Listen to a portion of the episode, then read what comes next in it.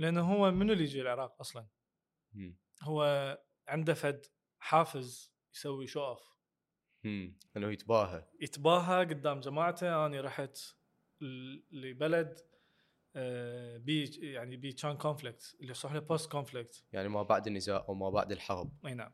يعني بلد طالع من آه، يجون. العراق يروحون ال- الأفغانستان يروحون باكستان اليمن سوريا ليبيا كوريا الشمالية. ما بيها آه، جانب يعني سادي شوية هذا يعني. لا مو بالعكس. يعني يعتبروها قلت لك إنهم نوع ال- المفخرة إنه هو ادفنتشرست لأنه مغامرة. هاي يصحوا لها سياحة الادفنشر المغامرة. المغامرة. انه انه راح الدولة خطرة. وهذا الشيء يعني سائد من زمان من أيام آه، ما بعد حرب فيتنام. راحوا لألمانيا. لليوم. يروحون يصورون ويا جدار برلين. ويروحون الهيروشيما يشوفون المكان اللي وقعت به القنبله النوويه. فهاي يروحون ما أعرف أكو فد يعني ادرنيالين عند ال- تساعد الاجنبي عند الناس إنه تساعد تروح تسوي هيك مغامرة. مم. ما أعرف إحنا جزء إحنا عايشين المأساة. عايشين معاناة فما عندنا هذا شو اسمه.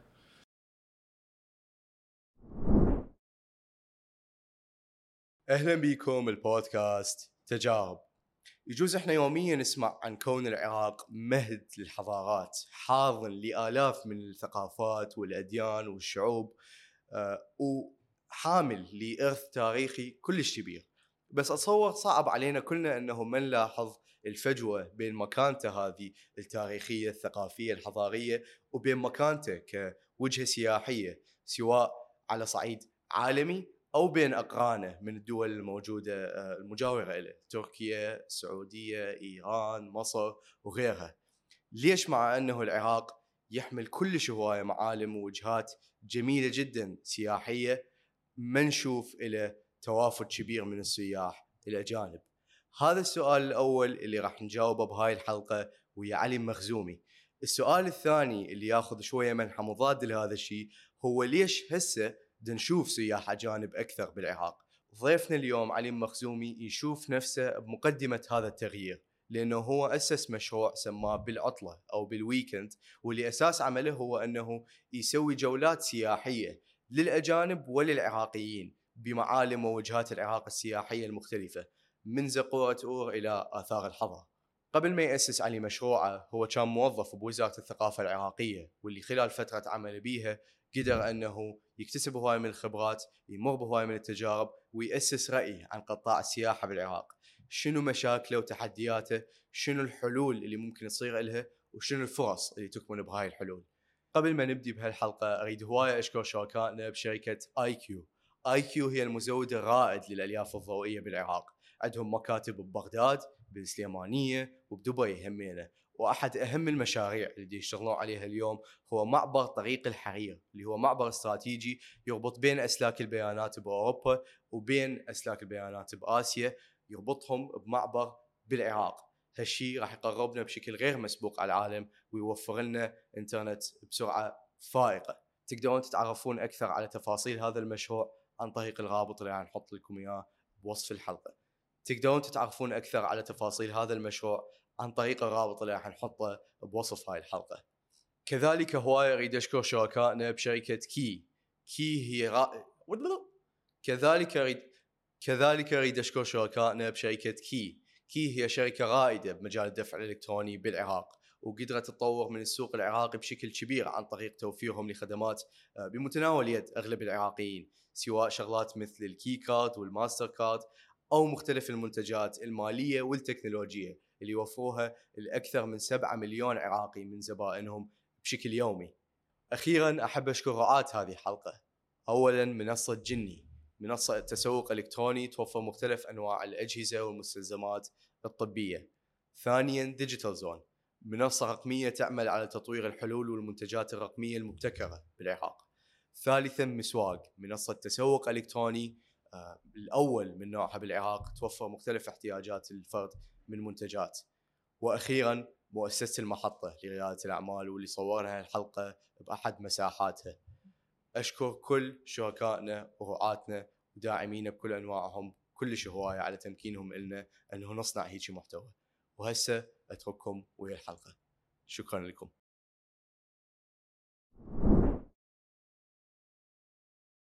شلونك علي؟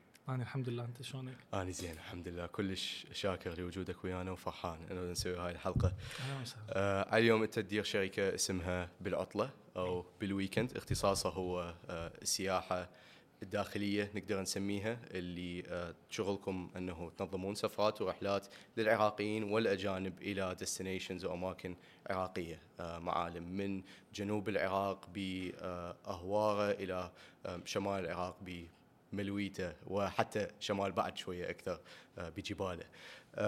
اليوم أني آه، كلش يعني يأخذني فضول ينتابني مثل ما يقولون الفضول إنه أني من أحكي ويا هواي من جماعتي على الأقل العايشين ببغداد خلينا نقول كمثال زين؟ وأقول لهم إنه أروح الواحد أقول له أنت شايف مثلا نصب الشهيد؟ okay انت رايح نصب الشهيد؟ أنت شنو رأيك بنصب التحرير؟ okay أنت أصلا فايت بحياتك للمتحف العراقي وهواي منهم يقولوا لي لا زين؟ يعني ما أدري يجوز لأن هم عايشين ببغداد فما يحسوها شغلات نادرة يعني. أو يجوز إنه هم مجرد ما عندهم اهتمام. يعني أنا ما أحس أكو كل شوية اهتمام آه، بال هم الناس اللي بعمري مثلا إنه يعرفون أكثر عن آه، ثقافة العراق عن تاريخه عن حضارته. فكلش عندي فضول أسأل منين إجاك هيك اهتمام آه، بحيث وصلك اليوم إلى أنه أنت شغلك هو هذا المجال. آه شكرا تجارب. شكرا جميل آه على الاستضافة اليوم. آه اسم شركتنا رحلات العطلة للسفر والسياحة. هذا الاسم القانوني. بدينا بالويكند أو بالعطلة كمبادرة كمشروع. ومثل ما تفضلت بدينا نسوي رحلات داخلية. بعدين جانب آه، قمنا نجيبهم للعراق. وآي أم، ال- ال passion أو يعني دقيقة. شنو يعني passion؟ الولاء ولاء. لا شغف. شغف. شغف؟ okay تمام. ال- الشغف اللي بداخلي من اني وصغير ممكن خلاني آه، أجي لمجال السياحة وقبلها الثقافة وأسوي آه، بال weekend okay. بعدين شركة رحلات العطلة. للسفر والسياحه بس بس هو لي- ليش شنو شنو هذا الشغف؟ شنو مصدر هذا الولاء؟ آه يعني ما أعرف من اني وصغير زين. آه من اني وصغير أتذكر كل زين كنت أروح للبيتونة زين أوكي. لأنه بالبيتونة كانت اكو كراتين كلش هوايه بها كتب. okay. فإذا تضيعني فتلقاني بالبيتونة. هاي فترة الابتدائية. اي أه باع بالكتب. وطبعا لأنه مكتبة أبويا كانت مو أي واحد يدخل المكتبة وأي واحد يقدر. فعندي البديل. بس بعدين من كبرت شوي قمت أروح المكتبة. حلو. أصلا أول هدية حصلتها آه، من نجحت أول ابتدائي كان كتاب أطلس. آه، وتعرف الأطلس بالنسبة لنا اليوم ال Google Maps أو. ال Google Earth أو حتى. ال encyclopedia يعني تقدر تعتبر ممكن اي في جانب الخرائط في جانب الدول المدن الأعلام حتى كنت أحبها يعني انت أول ابتدائي. وتقرا الأطلس يعني؟ إي. والله يعني على الأقل نعرف هذا العراق مم. هاي دول الجوار هاي ال- كنت هم العالم تحفظ أسامي هيك ما؟ وكنت أربطها دائما ويا الطوبة شلون يعني؟ لأن كنت تبع طوبة كأس العالم 98 آه، كأس أوروبا 96 2000 زين. آه، فيعني إيطاليا فرنسا برازيل آه. okay. okay. آه، هذا فريق هو هناك قاعد بالضبط. يعني okay إيه، يعني okay، هاي حلو. القارة هيك هاي. ف هاي أول شيء okay. أول platform. فهنا عرفت إنه يعني ولائي لبرشلونه حلو فهمتك. وعلى طاري الطوبة فانت شفت مؤخرا بكأس العالم بالخليج آه، إيه. بقطر اللي صار. واللي هو يعني event مميز أتصور كل اللي حضروا يقدرون يقولون عليه. شلون كانت هاي التجربة؟ وشنو تشوف يعني انعكاساتها آه، بالمحصلة على العالم العربي كسياحة؟ إي طبعا. آه شوف هي ال ال هناك الدول يعني بصورة عامة ليش تسوي بطولات؟ ليش؟ لأنه البطولة اليوم هي كأنما منتج مال سياحة. زين. وتريد تقدمه للعالم على أرضها. okay. خصوصا كأس العالم. يعني هالبطولات الكبيره حتى اليوم نشوف بالمقابل من قطر مثلا السعودية قامت تستضيف بطولات الدوري الإسباني كأس السوبر الإسباني. منو عندنا بعد؟ كأس العالم للأندية. جت فترة الإمارات استضافته اليابان تستضيفه أو يعني هاي الدول اللي تحاول تصدر آه، أو تروج وحتى موسم الرياض هسه. destination مالتها. عفوا. حتى موسم الرياض والالعاب بين الهلال والنصر و... إي هاي بحث آخر هاي داخلية. يعني دنحچي على بطولات عالمية بس يعني أنت تجيب ناس أكيد من برا. تشوف رونالدو دي يلعب ويا هاي هسه. مؤخرا جدا. إيه. يعني آخر كم شهر صحيح. okay فهمتك. بس بصورة عامة ال- الدول آه، هيك تسوي. قطر استثمرت كلش هواية. هسه اذا تشوفها كعالم استثمار يعني مو منطقي. جزء هي خسرانة. مم. بس هي تسوي investment long term يعني. ال طويل 20 سنة الأمد. القادمة ممكن حتى تطلع هاي ال- الفلوس اللي صرفتها على كأس العالم. فاي أنا احب الطوبه رحت كانت هي ال vacation. حط له. أني آه، كثير السفر وأسافر للعمل. okay. يا أحضر مؤتمر يا أحضر آه، ورشة يا أحضر تدريب يا أحضر معارض يا أشارك بهاي ال event كلها. حلو. وقليل ما أسافر إنه عطلة. ها okay. أي فهمتك. فكاس العالم كان شوية عطلة يعني بعيد. عن ال stress مال الشغل إلى آخره. بس بنفس الوقت الواحد حلو يتعلم. يعني كثير تعلمت من السفر. حلو. وهنا. ترجعنا لل إنه أنت شلون وصلت لهذا الشغف. آه الكتب اللي عن التاريخ الكتب اللي شفتها بالمكتبة بالبيتونة. آه وأيضا السفر. يعني ما سافرت من أنا صغير كلش. آه بس يعني بعد 2003 بعدني. صغير ها؟ بس سافرت يعني حلو أوكي. زين شلون وصلت من آه، أنت تستلم أطلس بالأول ابتدائي وبعدين تقرأ سواء بمكتبة أبوك أو من الكتب اللي يهديك إياها إلى أنه آه، من بعد تخرجك آه، صرت موظف بوزاره الثقافة. إي أنت هسه تحكي عن يعني شو أقول لك 20 20 يعني تقريبا 15 سنة. أوكي. 15 سنة أكثرها أو نصها كانت بفترة الحصار. والنص الثاني لا بعد 2003 إلى أن تعينت يعني. زين شلون صار هالموضوع؟ يعني أنت خلصت سادس إعدادي نقدر نقول بعدك بهالموضوع انه أنت تريد تشتغل بالثقافة لو كان لا أنا؟ أصلا ما كنت مو قصة أريد يعني أصلا ما كنت مفكر انه أشتغل بالثقافة. زين شلون يعني. شلون صارت؟ واسطة. أوكي. بس آه يعني أنا ما دفعت ولا فلس. زين. يعني مو حالي حال ذول اللي يروحون يدفعون فلوس حتى يروحون يتعينون. لا آه بعد 2003 تعرف الوضع اللي صار الوضع الأمني ببغداد وبالعراق بصورة عامة. آه يمكن اني هواية ناس ما يعرفون ان أنا عندي أخوي مفقود. وخطف يعني ولحد الآن ما نعرف عنه أي شيء صراحة. فهاي الحادثة خلت آه، خلتنا يعني نرتبك أكثر.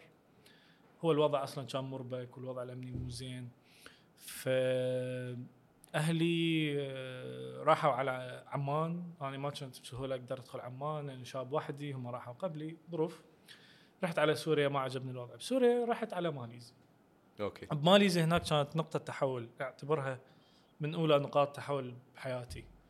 من رحت ماليزيا تغير ال ال يعني شلون أقول لك ال perspective أو المنظور اللي أنا أشوف من خلاله الحياة بصورة عامة مم. أول شيء تعلمت إنجليزي okay آه، ثاني شيء بديت آه، أعرف يعني شنو دولة آه، بها مؤسسات وبها نظام وبها آه، يعني أكثر شيء العراقيين كانوا يروحون على مود التعليم فصار م. عندي تواصل ويا كثير من العراقيين اللي يدرسون هناك حتى سكني كنت يم جامعة كنت هواي أروح لديك الجامعة حتى واني ما مسجل بيها و شو تسوي؟ آه، ادخل أدخل وياهم يعني نطلع هم يروحون للجامعة على طول عندهم كورسات. okay. فاني أروح وياهم. زين. آه، أنا ذيك الفترة كنت بال British Council. British آه. Council صاير center كوالالمبور okay. هي يعني مؤسسه تعلم إنجليزي نقدر نسميه إي أوكي. البريتش كونسل هو المجلس الثقافي اللي يقدم خدمات تعليم لغة إنجليزية. فأني سبب روحتي لماليزيا إنه أني حتى أندمج هناك وأدرس وأبقى. فهمتك. فأني أول خطوة سويتها هي ال British Council. بعدين آه، بس ما كان عندنا كورسات آه، يومية. فباقي الأيام ويا جماعتي أروح للجامعة مالتهم okay أي. بحيث حتى الحراس مال الجامعة عبالهم أني طالب. هالقد ما أروح هواية هناك وياهم إيه. فهناك بديت أعرف أكثر عن مثلا التطوع مم. لأول مرة شفت إنه شباب يروحون يسوون حملات تطوعية ما موجودة بالعراق ب 2007 مم. ولا قبل 2003 أصلا. يعني ما أعرف. أه شفت إنه أكو فد نظام مال international يعني مو بس school هو كجامعة يعني بيها طلاب من غير بلدان ويجون. حتى ال British Council نفسه كان يا طلاب international من كل العالم هي كانت ك hub بذيك الفترة. مم. تصور ما زالت يعني كوالالمبور فاجاوبك على سؤالك اللغة. يعني أنا من رجعت العراق. أه، ولد صديق أه، يعني بالصدفة عرفت إنه يشتغل بوزارة الثقافة مؤسسة حكومية وبمنصب أه، مدير عام يعني عنده صلاحية ولد مدير عام إي بس يعني إنه ليش عيني مو لأنه صديقة. لأنه كنت أعرف احكي إنجليزي هو. كان ذيك الفترة يحتاج ناس يحكون إنجليزي. جاب ناس طلاب خريجين أو يعني انت شلون تعلمت أبوك أنت كانت يعني بس كورسات تعال روح سوي الواجب وارجع لهم للمؤسسه آم، قصدك واجبات الحكومة؟ لا لا أنت يعني آه. أقصد بال British Council أنت قاعد بكوالالمبور تريد تتعلم إنجليزي شنو شد تسوي حتى تتعلم إنجليزي؟ إي مو هي عندهم فد approach غير بالتعليم اولا ان إحنا الإنجليزي مالتنا بالعراق أساسا زين اكتشفت هذا الشيء يعني أنا من رحت هناك عندي أساس حلو بس النقص هو الممارسة مم. بماليزيا أنا قدرت أمارس اللغة الإنجليزية بشكل يومي. مم. قدرت أحكي ويا الناس. آه شوية يجوز أني أختلف عن هواية ناس أني اجتماعي. أنا أروح عندك بالناس أنا احكيهم بالمترو بالباص. خصوصا قلت لك هواي اكو اجانب يجون من نيوزيلندا من أستراليا هناك يعيشون من مختلف الدول. فهمتك. ف يعني hello hello where are you from أبسط شيء يعني أول سؤال ولد بنيه رجال كبير. آه، مرة كبيرة. خوب العجايز يتخبلون علينا. والله من جيت هيك ويشوفونا هيك صغار يعني. ها انت منين؟ oh خطية العراق حرب وما أعرف شنو. إي يعني هاي الأجواء ماكو. ونبدي نحكي إنه إيش قد صار لك هنا؟ آه، أكسر حاجز ال- الجمود. إي يعني إنه أكو حاجز خوف. هواي عراقيين يعرفون يحجون. بس ما ي- يقول يعني يخاف يغلط. مم. فاني كنت أغلط ويا الغربة وعادي. زين؟ يعني أتذكر مرة إنه أني أروح وأنتم تعالوا وراي. ابسط شيء هاي ما أعرف أقولها. okay. اي يعني may go بس مو غلط. آه واحد إنه آه ما يعرف. الغلط إنه واحد يبقى ما يعرف. صح. رجعت ورا كم شهر ورا يعني سنة تقريبا آه أنا كنت ما ما حاب أرجع. بس آه رجعت الوضع صار 2008 هذا الحكي تمام آه تعرف صالة الفرسان والوضع الأمني استقر وبغداد صارت زينة يعني رجعنا حتى أهلي رجعوا من عمان ف إي صارت لي فرصة التعيين 2009 okay نعم. زين فقلت لك الشخص كان يريد أحد يحكي إنجليزي. وحتى يستفاد من عنده في عمله آه، في عمل الوزارة اللي هي استقبال وفود على طول يجون ضيوف يحكون إنجليزي. قلت لك أكو ناس عينهم خريجين لغات إنجليزي بس ما دبروها. يعرفون يكتبون يعرفون مم. القواعد بس ما يقدر يحكي. أكو حاجز. فهمتك. فأني already متخطي هذا الحاجز فاستفاد من عندي بال- بالوزارة. وأنا أيضا استفاديت بعدين يعني. بس- انت جاي يعني من ماليزيا مم. okay ومن بيئة مثلا انت دا على قولتك تندق بالعالم مم. ونشاط بيها وتتعلم شغلات زين ترجع للعراق آه، وتعرض عليك فرصة عمل حكومية هسه. أنا مدى أنطي يعني هيك الانحياز مالتي على الوظائف الحكومية مم. ومو صبغا بيك يعني بس شخص ما أعرف بالديناميكيه مثلك يعني ما أدري شلون يفكر مثلا بالتعيين الحكومي إي مو أنا أرجع وأقول لك التفكير بديك الفترة أصلا كله يختلف عن هسه. اولا كعلي ثانيا كعراق ثالثا كبيئة. بس حصل شغل. يعني. وع... بالضبط. إيه. إنه هذا الخبر يعني يجي عند أم عيد. اي اي يعني علي اولا لقى شغل وبالحكومة. ها إيه. يفكرون تقاعد يفكرون الاخرين فهمتك فشلون كانت؟ آه أنا كنت حابها بالبداية. آه حابها مو لأنه والله فرصة عمل بالحكومة بقد ما إنه هي فرصة عمل بالثقافة. مم. آه وشنو كان تستقبل وفود ترجم لهم يعني؟ هذا إي أنا عملك العلاقات. الثقافية. آه أوكي. شغلنا حيوي جدا. آه مثل ال- معجون طماطة يشتغل ويا كل شيء. فهمتك. نشتغل ويا كل دوائر الوزارة من دائرة الفنون إلى دائرة السينما إلى دائرة الفنون الموسيقية دائرة ال- يعني الأزياء دار العراقية الأزياء إلى فهمتك. الآثار. السياحه كل حلو. الجهات اللي لها علاقة بالوزارة وأيضا خارج الوزارة يعني نعم. آه، دار الشؤون الإقامة على مود الفيزا الگمارك على مود إخراج وإدخال المنتجات الثقافية مثل كتب آلات موسيقية الأفلام إلى آخره. آه، وزارة الخارجية تواصل السفارات إلى آخره الإيفنتات. هذا واحد من المهام اللي تخص بها الوزارة. أكو أيضا مهام ثانية مثل مؤتمرات ومهرجانات. وصلت. أكو م- مهام أخرى آه، تخص الاتفاقيات الثقافية والمنظمات الدولية بوقتها شنو كانت أكثر التجارب اللي تتذكرها آه، من من فترتك بالوزارة؟ آه، شنو كانت لحظات أنت لحد لحد الآن باقية ببالك وترجع لها بمرات؟ لا هي فترة الوزارة يعني اشتغلت تسع سنوات. مو يوم ويومين نعم. يعني فترة طويلة بالبداية سويت بالاتفاقيات بس ما طولت هواي يعني صار عندي مثل rotation كل كم شهر بقسم. آه وتعلمت هواية من خصوصا أنا يعني بدنا نحكي عن عمري 20 سنة 20 21 مم. أول ما تعينت ف بديت آه يعني بديت اسقل هاي ال- الديناميكية اللي أنت حكيت عنها بالبداية. وأسخرها وأوظفها للعمل زين فشنو شغلات تتذكرها من ذاك الوقت؟ يعني هواية أمور يعني أنا أبد ما أنسى في 2010 الدائرة بدأت تتحرك وتسوي مهرجانات. زين. سوينا مهرجان موسيقي. okay. تصور اسمه كان مهرجان زرياب الموسيقي أو هيك شيء. زين. دولي. وبدينا نجيب نسوي دعوات لفرق من مختلف العالم. طبعا مو okay. بسهولة كانت تجي الفرق. الوضع الأمني والأخبار. 2010 يا دوب ترى الوضع ها. فهمت. يصير زين. فهمتك. فأبد ما أنسى إنه أني بسيارتي الخاصة آه، كنت أفتر ببغداد ويا أربعة دنماركيين. هم فرقة دنماركية. أوكي. وكل سيطرة توقفني. تعال فهمهم أه حتى وديتهم لبيتنا. يعني هيج. وما كان ذاك الوقت يعني أكو لا ما كان أكو. إيه، يعني ال risk كلش عالي طبعا. مخاطره 2010 خطر طبعا كل شيء. 2010 الوضع يعني. إحنا هسه يعني قبل كنا نقول آه الوضع ده يصير زين بس يعني الوضع ما كان كل زين. بس آه، كان حلو. كانت مغامرة حلوة يعني. اي رحت المعالم همينه بفترتك بالوزارة؟ يعني سويت زيارات إلى أماكن؟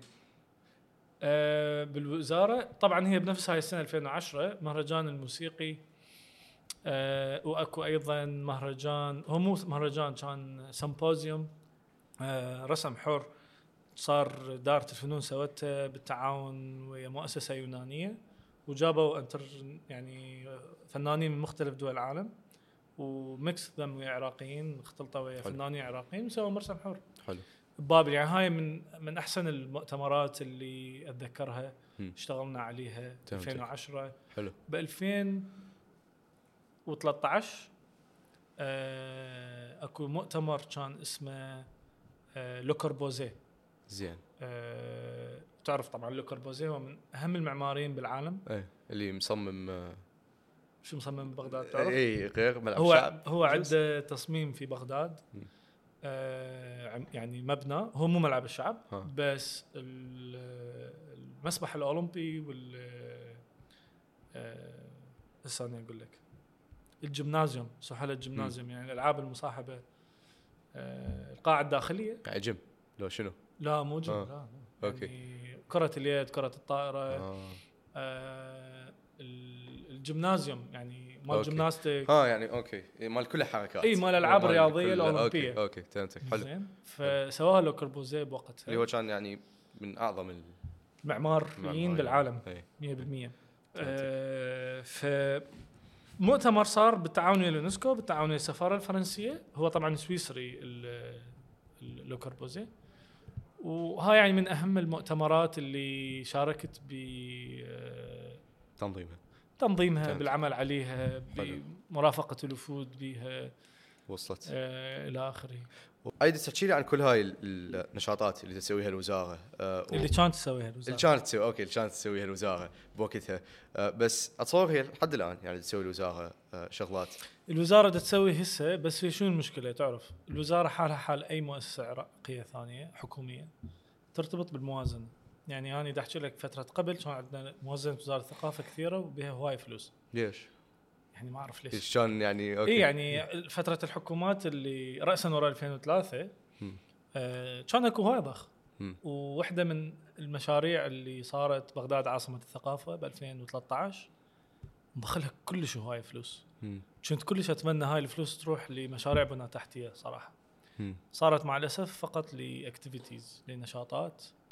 وانصرفت وراحت و يعني ما صارت ما خلت شيء يذكر أتصور هذا خوش جسر بالنسبة لنا من باع على البيروقراطية يجوز القاتلة بأحيان من هاي اي والنظام الوزارة. السيستم وال السيستم والانفشنسيز مو هي هنا حتجرنا المساحة ثانية اللي هي القوانين العراقية لحد الآن أغلبها قديمة. يعني يجوز. ما قبل 2003 وهاي القوانين اشتراكيه مم. فأنت ما تعطيك مساحة ب أو يعني مركزية. ما تعطيك. مساحة بالمرونة تشتغل المحافظات أكثر إلى آخره حتى. تسوي دي سنتراليزيشن يجوز حتى هي بحد ذاتها يعني موضوع إرادة سياسية وأكو إرادة سياسية. بالموضوع وأكو شخص فهمتك. المناسب بالمكان المو مناسب ف أو, أو بالعكس okay. يعني- نعم فهمتك بس آه، شو كنت بزعت من هذا الشيء نقدر نقول أو مو إلا بزعت انما هو مو قصة بزعت أنت يعني دا تقول لي هي صح مرحلة كلش مهمة كانت الوزارة. أثرت بيها وأثرت بي أه كنت أنا كلش أحب العمل أنا طبيعتي كشخص أي مكان يعني أحس بالانتماء قوي. أي مكان أحب أشتغل به الوزارة جت فترة اشتغلنا ويا تيدكس بغداد. آه، ويا المحطة ويا كثير من المؤسسات اللي أني آه، آه، أدخل بيها مم. آه، وتحس بارتباط بيها أحس. بارتباط بها فالوزارة والدائرة بالتحديد هي واحدة من هاي المؤسسات فهمتك أو الأماكن اللي يعني صار عندي فد حيز كبير بها بس ليش طلعت؟ أه طلعت لأنه بدأت الوزارة اولا راحت راحت الفلوس. ماكو نشاطات أوكي. وهاي مو سبب يعني أني بالنسبة لي كشخص بس هذا أثر على نشاط الوزارة. اللي خلاني أكون فد شيء يومي. يعني أنا مو من طبيعتي أعد ساعات صراحة. مع كل احترامي لكل الزملاء لكل الموظفين اللي ما أعرف كم مليون اليوم دا يشتغلون بالحكومة. يعني هم عددهم زائد جدا. وما يحتاج يعني الوزارة ما تحتاج أو الحكومة الحكومة العراقية الوزارات العراقية ما تحتاج هيك عدد من موظفين وحتى وزارتنا.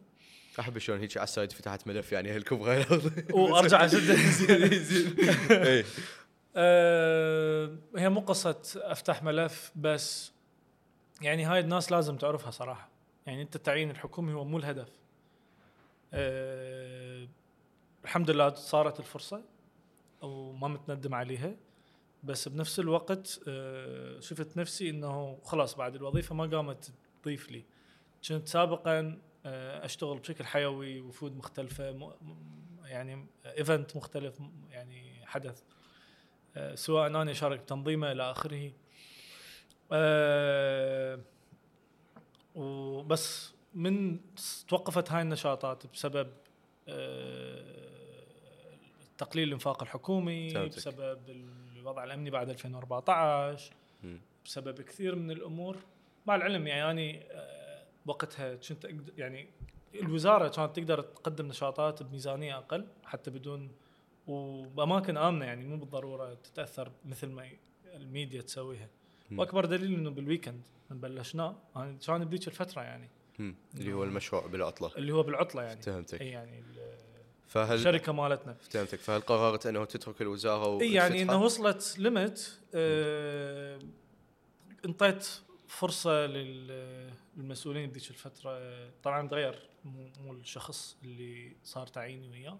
تعرف مدراء عامين يغيرون بهم على طول. فقدمت آه، بذيك الفترة آخر مشروع اشتغلت عليه بالوزارة كان بغداد مدينة الإبداع الأدبي وهاي من ضمن ال Creative Cities Network عند اليونسكو. شبكات المدن المبدعة وبغداد أول مرة من ال Middle East تنضم مدينة في مجال الأدب. وبها process كنا نشتغل عليه سنتين قبل الإعلان عليه ب 2015 إلى آخره. زين. فيعني هسه مبدئيا أو منطقيا من بغداد أو مدينتك أو المشروع مالك من ينضم الهيجي network مهم تسوي له فد احتفال حتى لو كان احتفال بسيط يعني مو إلا تصرف عليه كثير. فاقترحت إنه نسوي فد event بسيط بالقشلة اللي هي شارع المتنبي شارع الأدباء ال... وإحنا نحتفل بهم ك يعني مدينة الإبداع الأدبي للم... للأدباء للكتاب للمثقفين العراقيين. ونسوي فد شيء بسيط. زين. نجيب شركة راعية مثلا. فشنو كانت ردة فعل؟ يعني أني صراحة ما كنت أعرف الطلب من تقدم آه، ما رجع لي جواب للأسف. فهمتك. ومن سألت بعدين قالوا والله ما نعرف يعني ضاعت الورقة لربما تلقاها بالورقة بالتالفة يعني. فهمتك. فأني هذا هنا خلاص وصلت مرحلة إنه هاي مو دائرتي أو مو هاي مو مكان العمل ال- أو البيئة اللي تناسبني.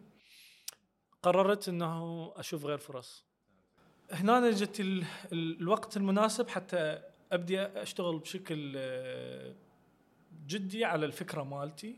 اللي هي أنا طرحتها ب 2013 لأول مرة زين Startup Weekend بغداد الأول okay اللي هو يعني آه، مؤتمر أو event يعني للأفكار مال الشركات أو المشاريع الناشئة يجون. الأفكار اللي اللي ممكن تصير business اللي ممكن تصير مشاريع الأفكار اللي. ممكن تحل مشكلة وتغير آه، تغير آه، قطاع.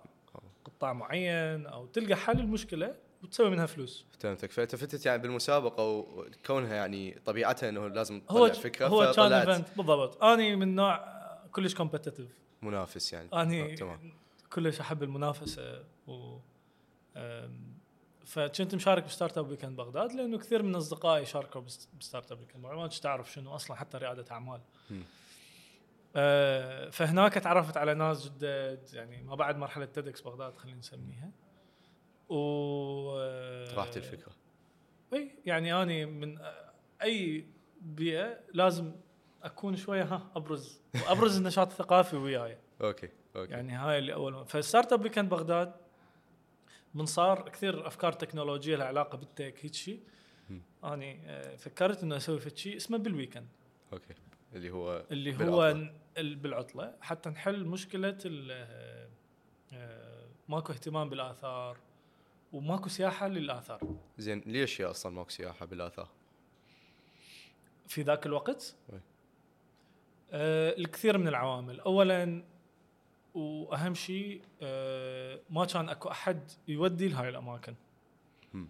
يعني كشركات مركزة كل تركيزها على الشمال سفرات داخلية على شمال العراق. ليش؟ آه منطقة سياحية والناس في ذهنها إنه سياحة طبيعة فقط. تحب الجبال وشوبينج. تروح مولات. فهمتك. آه ما كانت يعني إنه أكو ثقافة إنه روح على مود تشوف معلم مثلا؟ على معلم أثري إيه. ما لربما في شيء ثاني إنه خ- فقدت هاي الثقافة. يعني هاي الثقافة موجودة بتاريخ العائلة العراقية. بس انفقدت بسبب الحرب. ليش؟ يعني الوضع الأمني القوات الأمريكية كانت بكثير من المواقع آه، أكو مو أكو سبب كلش هو شفت السبب اللي كان معطل هاي الفقرة خصوصا ما بعد يعني خروج القوات آه، شو السحوله إنه المواقع الأثرية كانت تنسد يوم الجمعة والسبت لأنه؟ عطلة صدق؟ إي. يعني أو أيام الوحيدة اللي العائلة العراقية على الأغلب راح تقدر تزور بها الأماكن إي. هي مسدودة بها شلون خطيه الموظف يعني؟ عطلته هاي شلون تحرش؟ صحيح لا حقهم. ايامي زين okay. زين. يعني هذا كان السبب. يعني من من بلشت فعليا أشتغل على بالويكند وبديت أروح زيارات استكشافية للمواقع. يعني يعني طول 2015 أسوي هاي العملية. لأن انطلقت ب 2016 طبعا. والموافقات اللي صارت حتى انطلق كانت استثنائية لأنه يعرفوني لأنه أنا زميلهم بال وزارة. دا- بالوزارة وطبعا مشكورين يعني. اللي اللي, تمام. عنده الثقة وطاني اياها نعم. آه، فانطوك ثقة أنه و- يفتحون ال- وامنوا بيك أنه يفتحون الجمعة والسبت. يعني بس جمعة كانت. موافقات إيه، بالبداية. تمام. إنه بس حتى نروح لهذا المكان. تمام تمام. اللي هو بابل أور آه، حلو. سلمان باك okay آه. okay فهمتك فبديت آه، ب 2016 هالمشروع إي بديت آه 2016 ها، قلت لي أسباب إنه ليش الناس كانت ما تروح. فهي هاي الأسباب بسيطة يعني لو بس أكو واحد يجي يذب جهد عليها. تنحل هاي المشاكل يعني وحتى مسألة العطلة إنه اليوم تشوفها ورا كم سنة؟ انحلت ها؟ وهل تشوف كان أكو إقبال من الناس؟ يعني من تروح تسأل الشخص؟ واحدة من الأسباب أنا كنت آه، أخاف إنه الناس يجوز ما عندها ما تحب هاي الأماكن. ف فاني أخذت ال risk صراحة. بس يعني ما سالتوا هواي عالم إنه أنتم سويت survey في وقتها. آه، يعني الأغلبية كانوا يريدون يروحون. بس آه، دوخة. يعني دوخة. ما يعرفون شلون يروحون. بمن يتصلون مكان مفتوح لا إذا يروحون هناك شنو يشوفون آه، أكو tour guide اكو يعني مرشد وتسهيل إلى آخره أو ما موجود. فجتي بالعطلة حتى تحل هاي المشكلة حلو. فب 2015 من فكرت أطلع من الوزارة بشكل فعلي آه، بالعطلة لو مو بالعطلة شو أسوي؟ قدمت على أكثر من عشر شركات أو عشر مؤسسات بالقطاع الخاص بمنظمات وكلها شقد حلو. كنت أوصل لمرحلة ال interview ممكن اختبار. واطلع تنرفض. الرفض فهمتك. آه، فهاي الأمور كلها وصلتني إنه خلاص ما عندي غير بال weekend ك option. ك ك option وحيد للشغل أو أطلع من العراق. زين شلون كانت أول رحلة سويتوها؟ وين وين كانت؟ 2016 آه 27 2 أول رحلة لبابل. okay للآثار مال باب لاثار بابل. وهي شنو صار بعدين؟ آه بال weekend 2015 كملت الدراسة بشكل كامل. حتى أبدي أسوي رحلة آه لازم أنسق اللوجستيات الرئيسية. موافقات الدخول الباص الفعاليات. لأنه أنا شفت إنه من نقطة نقاط القوة اللي حبدي أشتغل عليها هي إنه أنا شلون أسوي فشي مختلف عن الشركات اللي تسوي فعاليات بالشمال. يعني أنا ما عندي منافسين بالجنوب. هي تجربة جديدة ما كنت أفكر بالمنافسة أصلا. لأن أنت دا تسوي شيء جديد يعني وماكو فد تجربة قبلك حتى تستند عليها. بس هو المستهلك لو يروح للشمال لو يروح إلك. المستهلك كان يروح الشمال أو خارج العراق. أو ممكن يجي إلي لأنه أنا كنت أستقطب niche market آه، market معين market صغير. معين اللي هو العائلة اللي تحب الثقافة، العائلة اللي تحب تعلم أولادها عن أماكن العراق الأثرية والتاريخية. وأنا كنت خايف إنه مو مو الكل. يعني حتى survey سويته يعني 500 شخص مو مو فد عدد بالنسبة. بس انطاني بعض ال indicators اللي هي طلعت بعدين كلها معكوسة. ها يعني كان الأغلبية ما مهتمين إنه يروحون. إي لأنه أكو ناس مثلا قاعد ببيته إيش قد حلو؟ آه، قاعد مثلا وقتها سوينا survey فودلاند بالجادرية يعني المناطق قريبة. يعني قاعد يم بيته وهاي والله يمكن أروح لو لا. ها إي يعجبني. يعني من ضمن النتائج بس. إي بس هواي كان اكو ها لا يعني ناصرية ليش وش بيها لا تفهمني؟ اي و- وحتى بدينا نشتغل آه، أهل الناصرية نفسهم طبعا يعني مثلا ال- بالسيطرات النقاط الأمنية يقول إيش عندكم جايين هنا؟ روحوا للشمال سياحة. زين. شو تقول لهم؟ آه، إيش تضحك وياهم يعني شو أقول لهم؟ ها okay. نقول لهم لا يا الهور همين حلو. إي والله. فهمتك. ف يعني مو بس الجبال حلوة والطبيعة هناك حلوة، الطبيعه بالهور همين حلوة، بس هم يجوز ما ما محسين بقيمتها فهيك يقولها، يجوز هو أصلا مو من أهل الناصريه يعني من دا يقولها،. يعني هو عنصر أمني مع كل احترامي ما أعرف منه هسه لا. شخص دا أشوفه ما أعرفه. بس يعني هاي الكلمة بقت ببالي. يعني أنتم إيش عندكم جايين يمنا أو ليش أو متعجبين يعني. فبابل بدينا نسوي فعاليات مختلفة. جبنا مصورين قمنا نسوي photo session.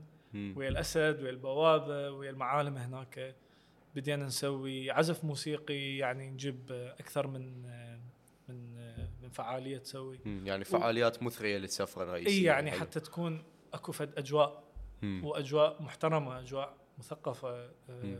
حتى العازفين نجيبهم يعني عود وفلكلور و... هذا بسمار لسفرات بالشمال يعني ممكن هيك تسميها أنا ما أحب انطي أسامي صراحة. فهمت بس آه، يعني إي، ولا أكو- أريد أكو- أثير أكو- جدل أكو اكو ولا فرق قصدك. ها؟ أكو فرق قصدك. اي اكو يعني مو الطبقه اللي أنت مستهدفها كانت تحتاج هيك شيء. زين؟ يعني كانت تجربة كلش مهمة بالنسبة لي يعني أول سفرة إحنا ما ربحنا بيها. مم. بالسفرات الأولى بدينا شوي شوي نربح. أو بالأحرى بدينا نطلع فلوس. وبعدين بديتوا تربحوا. بعدين بدينا نربح يعني بعد كم شهر. آه، بس ال- ال- الفقرة وين؟ إنه هذا كله بصفحة وأنا كنت أفكر شلون حطلع هاي السفرة للناس؟ مو المشاركين وياي فقط. يعني إحنا صح شاركنا بباصين ولوجستين ترى كان صعب. وأني وحدي واستعانيت بالفريق اللي ال- ال- ولد صديقنا اللي هو ساعدني بالإنتاج أيضا حتى اطلعها للناس قلت مم. انه الناس ال- قصدك يعني ال social media مثلا إي العامة يعني حلو. الآخرين ال potential كتسويق لل- للموضوع حلو. اي إي يعني لأن أنت كل مرة تسوي فعاليات وما تتوثق طريقة زينة طريقة لائقة بها مم. وأنا هاي همين يعني من أني وايام موظف بالوزارة اشتغلت على كثير من المبادرات الخاصة بي بعيدا عن الوزارة مم. وما توثقت أكثرها. بطريقه تناسب. الحدث هذا جزء بس ما تهم واعي عليه بس هو للشركات اللي بالشمال إنه ما تشوف هواية من التوثيق والتوثيق القوي يعني إنه تحس تقدر تكون تحس. شوف يعني هم حتى الشركات اللي تشتغل على الشمال يعني هي تأدي تسوي ماركت تأدي غرض ولها جمهورها وأيضا هم زملاء مهنة اليوم يعني كلهم عندهم شركات سياحية إلى آخره بس آه، بس هو شو يريد يوثق. رحت للمول مثلا ولا راحت. لل شو اسمه المصيف اللي هو يعني ما أعرف صراحة. حتى المصيف كلها مصطنعة صارت. يعني مو فعلا المناطق طبيعية. بس مو ح- حجيك أنا شنو سويت بالشمال؟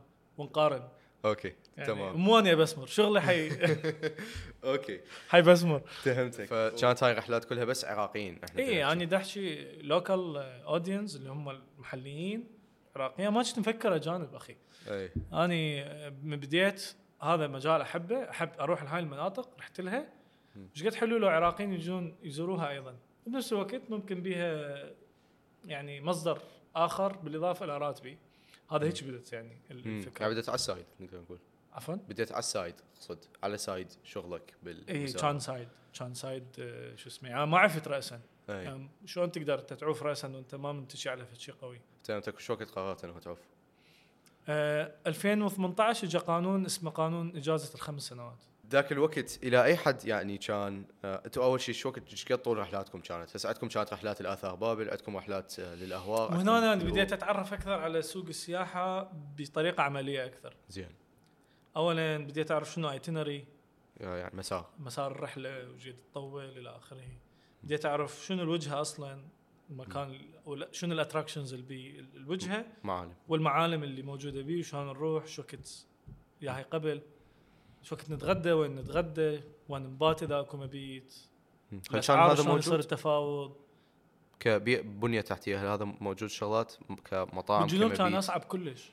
وهاي همين دخلنا منافسة أو ناس تسألنا إيش دعوة ب 95 للجنوب؟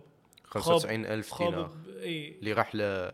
يومين. يومين. خب 65000 آه، خمسة أيام للشمال. يعني هو. ما يفكر. هو حقه يعني المواطن ما يعرف.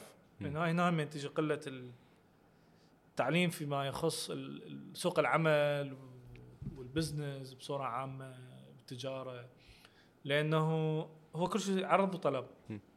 الشمال عليها طلب كثير فأكو عرض هواية أكو فنادق هواية أكو آه، فعاليات هواية تقدر تسويها. بس بالجنوب يعني عندك بديش الفترة كان فندقين بدا يصير طلب.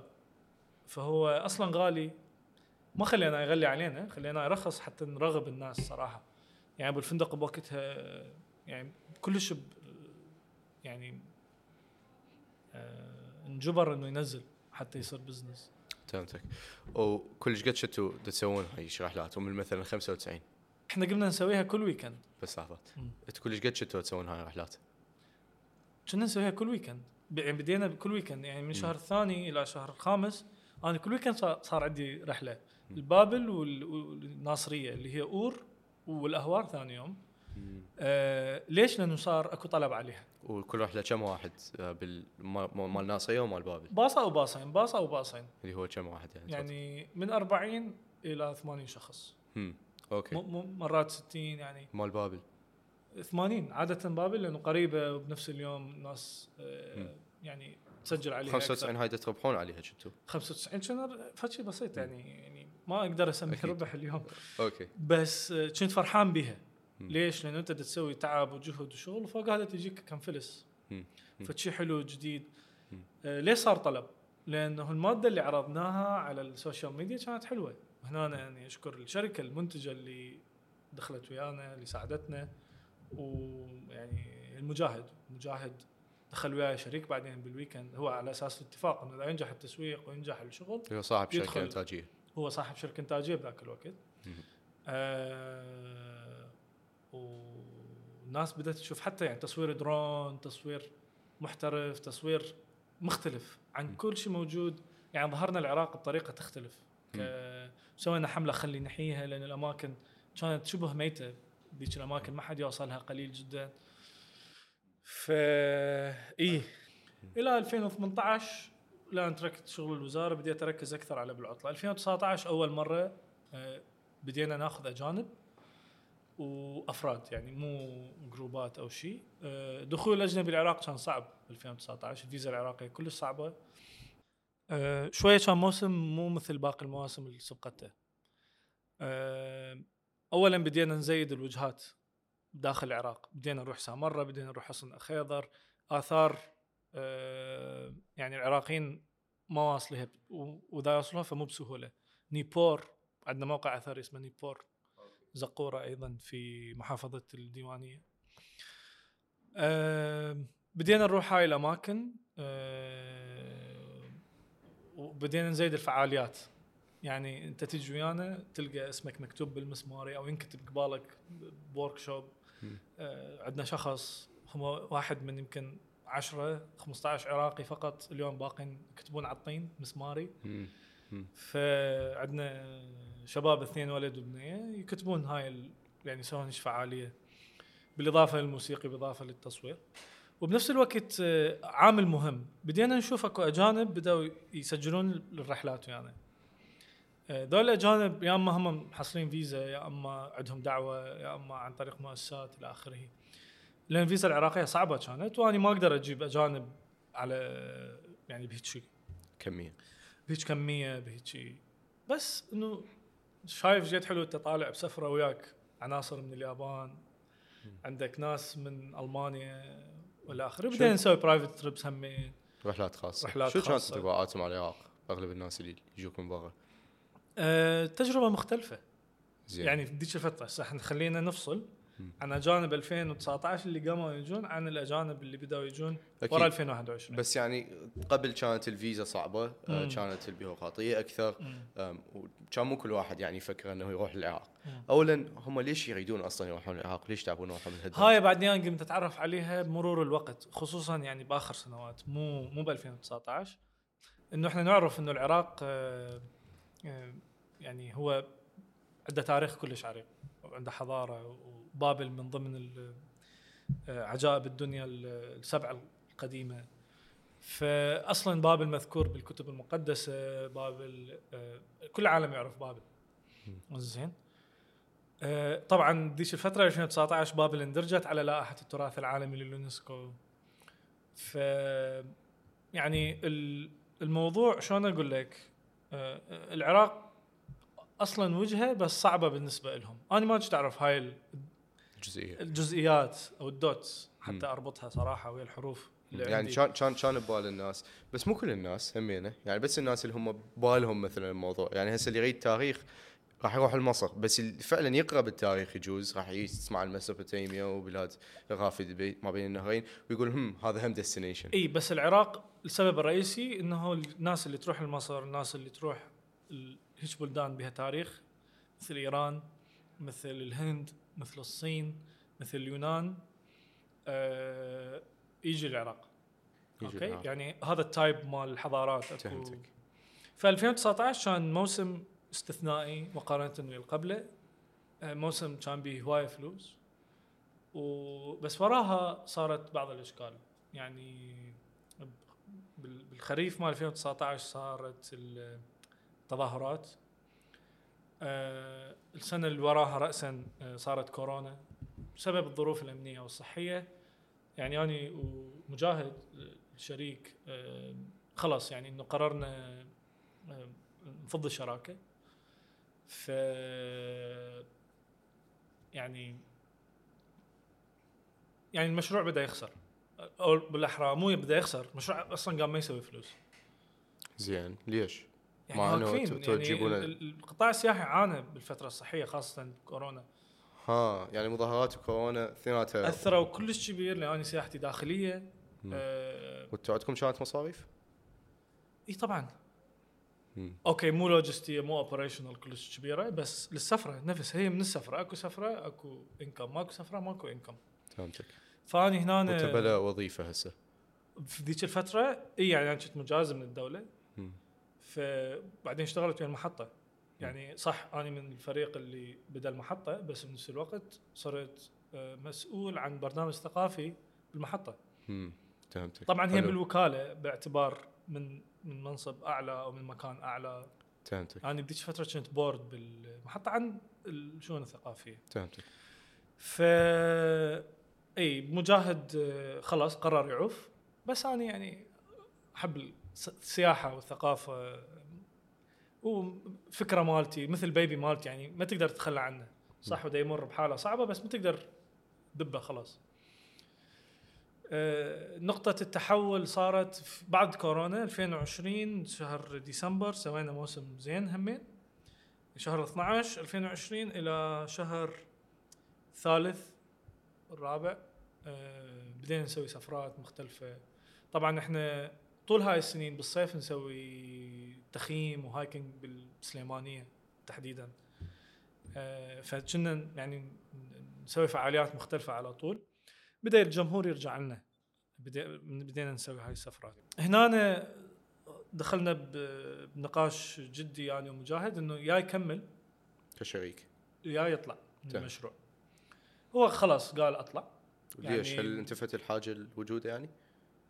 آه، انتفت الحاجة إلى من ناحية الإنتاج السينمائي على اعتبار هو الحاجة مالتنا وياه كانت الإنتاج السينمائي. لأنه بدينا نسوي يعني فشي ذاتي. نعتمد على مصورين أو freelance مصورين. مو بالضرورة ويا. الشركة مالته. فهمتك.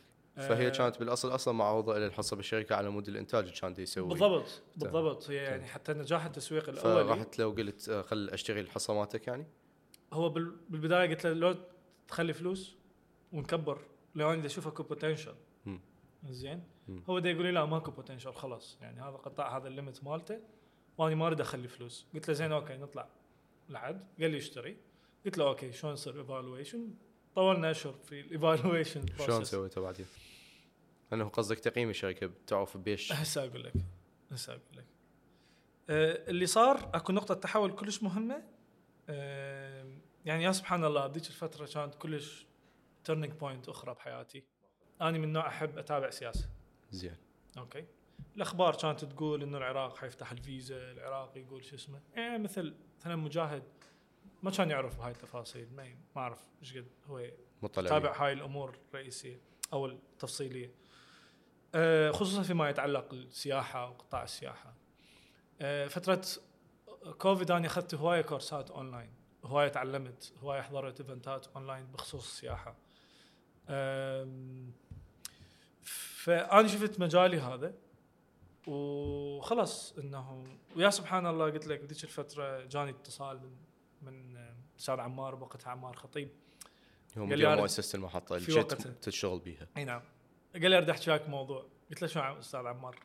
حطلع كان يقول لي والله سهلتها علي. قلت له خلاص هاي طالع أنا فهمتك يعني هي جزء بدنا نحكي بهيجي بسهولة بس آه بس هي كانت فترة عصيبة عليك وعلى المحطة كمؤسسة لربما نحكي إنه لربما أنا. يعني صراحة ويا كل آه يعني ويا المصلحة المصلحة العامة لل يعني دائما أباوع المصلحة العامة على مصلحتي الشخصية فيما يتعلق بعمل مؤسسات مو. مؤسستي فهمتك أنت تفهمني؟ أكيد وإحنا كنا طالعين يعني من فترة آه، كعراق بعد صعب. ماليا وبعد كورونا إلى آخره فهمتك فهمت الموقف لا أكيد يعني. وبس قصدي إنه راسا قبلت. آه هذا الاتصال كان قبل 1 4 15 4 تنفتح الفيزا. مال هنا كان العراق turning point yes للسياح كانت الأجانب. أكو أخبار تقول بعد زيارة البابا ال- اللي صارت بالشهر الثالث 2021 حتى انفتح الفيزا لأكثر من 30 دولة إلى آخره. حرفيا انفتحت 15 4 بدأ يتطبق 1 5 وبداوا الأجانب يتواصلون ويانا. ليش؟ إحنا جاهزين. إحنا already بال market. موسم كان كلش حلو. 2020 2021 آه اونلاين موجودين. آه علاقاتنا ممتازة ويا كل stakeholders on ground يعني أصحاب الشأن. و- أصحاب العلاقة كل الناس اللي تشتغل في هذا المجال. آه فاللي صار إنه كنا مستعدين فقامت تجينا طلبات من اجانب. شركات أو أفراد. فهنا إحنا استندت على المكالمة اللي قبل ما تنفتح الفيزا ويا آه، مجاهد إنه خلاص شلون نطلع آه، التقييم صار يعني إذا تيجي تحسبها أنت بالعطلة خسرانة شلون قيمتوها؟ شلون سويتوا هذا الايفالويشن مال الشركة؟ كان صعب إنه أنت تقيم. زين. لأنه الإسهام كان كلش كبير من ذيك الشركة. مم. لأنه ماكو إنتاج سينمائي ماكو بالعطلة. بس بنفس الوقت اليوم بالعطلة ما تشتغل. فهمتك. وحتى بالموسم الأخير الحلو اللي صار يعني جابت فلوس بس مو هواي فلوس بحيث أنا أقدر أشتري حصة الشريك. فهمتك. فشلون باوعتوا عليها؟ هذول المسا... هل قد عندنا رحلات تصير بالأسبوع. أو هل قد ناس أكو بيها؟ هل قد هامش عليها؟ إحنا واثقين إنه إحنا أنا بديت أشوف potential لما آه، قلت لك مال الفيزا وكنت داخل ب group ات وكنت أعرف اونلاين. آه إنه العراق بها فرصة ف- من ناحية طلب من ناحية الأجانب اللي يروحون فقيمتها بهالحسبة يعني؟ إي طبعا لأن أنا آه. قلت إنه كم ألف أجنبي حيدخل. كم إحنا إيش قد حناخذ من ال share market فحصه مجاهد كانت يعني وايد دفعت عليها معناته لا. آه، okay، زين. مو تقول إنه مو قيمت بالعطلة بشيء من قلت له يعني بالعطلة ممكن تسوى هالقد. okay. ولازم نحتاج هالقد. يعني ما أفكر إنه حيطلع. ها okay. رد يساهم. كان يقول لي لا أنا خلاص ما أريد. وهي ما تسوى هالقد تسوى هالقد. فانطيني قلت له قلت له-؟ إيش قد نحكي الهالقد والهالقد؟ يعني كنت أشوف أكثر من مئة ألف دولار هو حتى ما انطاها 20 ألف دولار أو 30 ألف دولار. okay. يعني خم... يمكن- يمكن ذكرت حسبناها هو قال 50 60 هذا ال range. 1000 دولار. ألف دولار. أنا كنت أشوف زين. يعني أكثر من 100 يعني 150 200 ألف قال لي لا ما تسوى هالقد. في في وقتها كان في نقاش طبعا بتفاصيل كثير وكثير من الحسابات.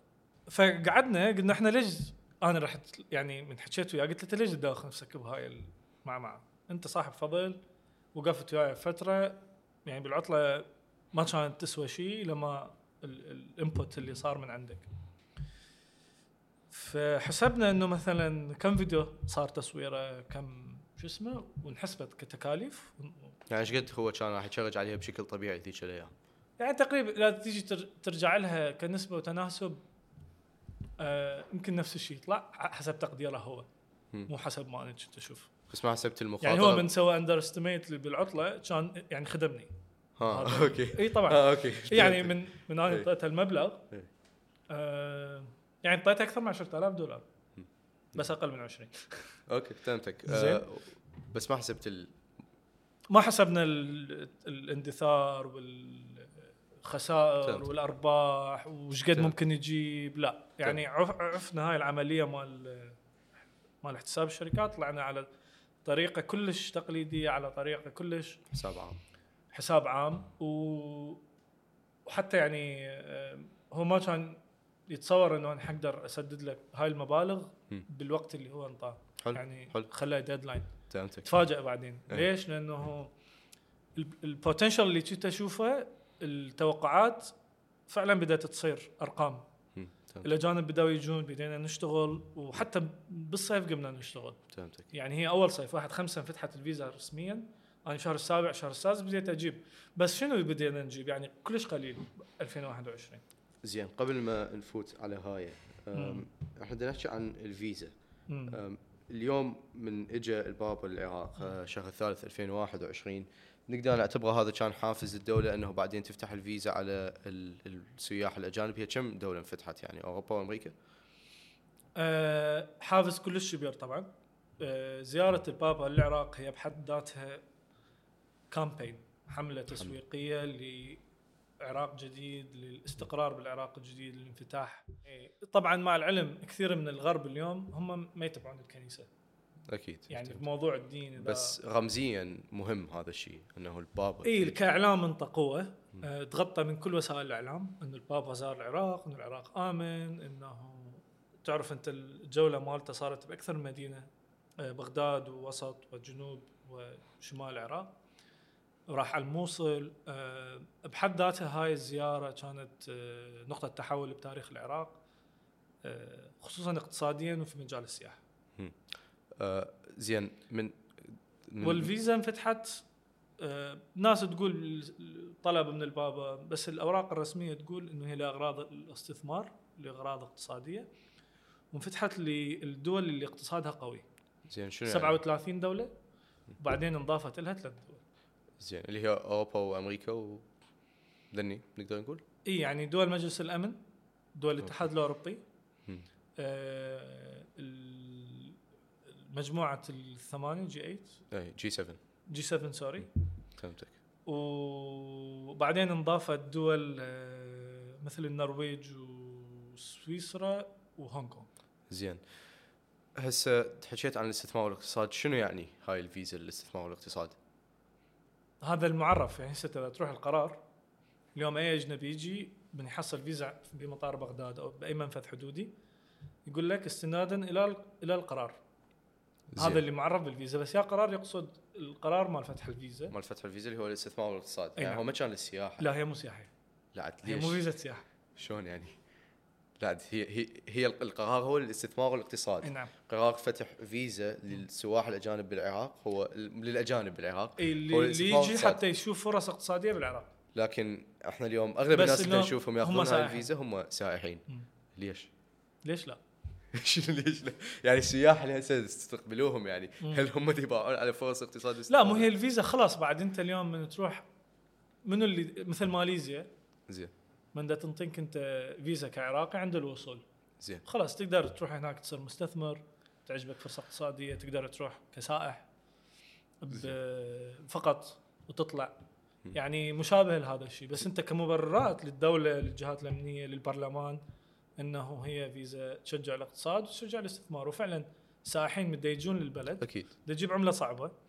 دا يقوي حركة السياحة وهاي حركة اقتصادية. حيشغل السيارات حيشغل الفنادق حيشغل مطاعم حيشغل المرشدين السياحيين. يعني أي شيء حيدفع تذاكر دخول هاي كلها ترجع لوزارة المالية بعدين. طبعا هنا عندي خلل بها. يعني أكو خلل عندي شو اسمه. okay. آه نحكي عنه. بس آه يعني هو ما كانوا يقدرون يقولوا إنه هاي فيزا سياحية وتخدم أس- هسه اكو. هسه أكو نقاشات على ال e-visa العراقية. هم، فيزا إلكترونية. فيزا إلكترونية هاي بها سياحه يعني. لأغراض السياحة. زين ليش أخذت كل هالفترة يعني من 2003 إلى 2021 إنه العراق يسوي هيك فيزا لل- للأجانب؟ ويل. إرادة. إرادة. شلون إرادة يعني شنو حفز هاي الإرادة ما أتصور أكو شيء جذري يتغير بالنظام السياسي بحيث إنه من ذاك الوقت يختلف عن هذا الوقت فما يفتحوها يعني ليش؟ لربما مو النظام السياسي اللي أثر لربما هو المتأثر بشنو؟ الباقي الإقليم باقي ال- ال-. الوضع العالمي شلون يباع العراق زين فشنو شنو الفكرة يعني تقدر توضح لي أكثر؟ يعني آه، يعني لربما يعني ما أعرف ما أقدر أكون جازم كلش آه، بس حسب اطلاعي حسب إنه متابعاتي الاخبار الأمور اللي لها علاقة بالسياسة آه، إنه أكو إرادة إنه العراق يكون مستقر بهاي الفترة. زين. فالاستقرار يجيب اقتصاد زين يجيب سائحين يجيب آه، مستثمرين آه، ال stability يجيب نتائج ايجابيه يعني بنتاج فهمتك. okay آه والاجانب ذولا اللي اليوم انفتحت لهم الفيزا العراقية وبشكل أسهل بهواية وبيروقراطيه أقل. وبتشجيع بفعل شغلات مثل زيارة البابا وغيرها. شلون بدأوا يلقوكم؟ يعني أنتم وين كنتوا بحيث الأجنبي هسه اللي يفكر خل يزور العراق. يلقى بالعطلة بال weekend؟ بالعطلة موجودة أونلاين والأجنبي بالعادة هو يقرأ أونلاين آه، يتابع blogs يعني لو شنو؟ اي يعني أني mentioned يعني أكو ناس مذكور. mentioned اس مذكورين في blogs مم. مع vloggers مصورين فيديو اللي هم vloggers كانوا قبل من يعني 2019 مثلا يعني أني كنت مذكور من 2019 مم. تمام و2021 مم.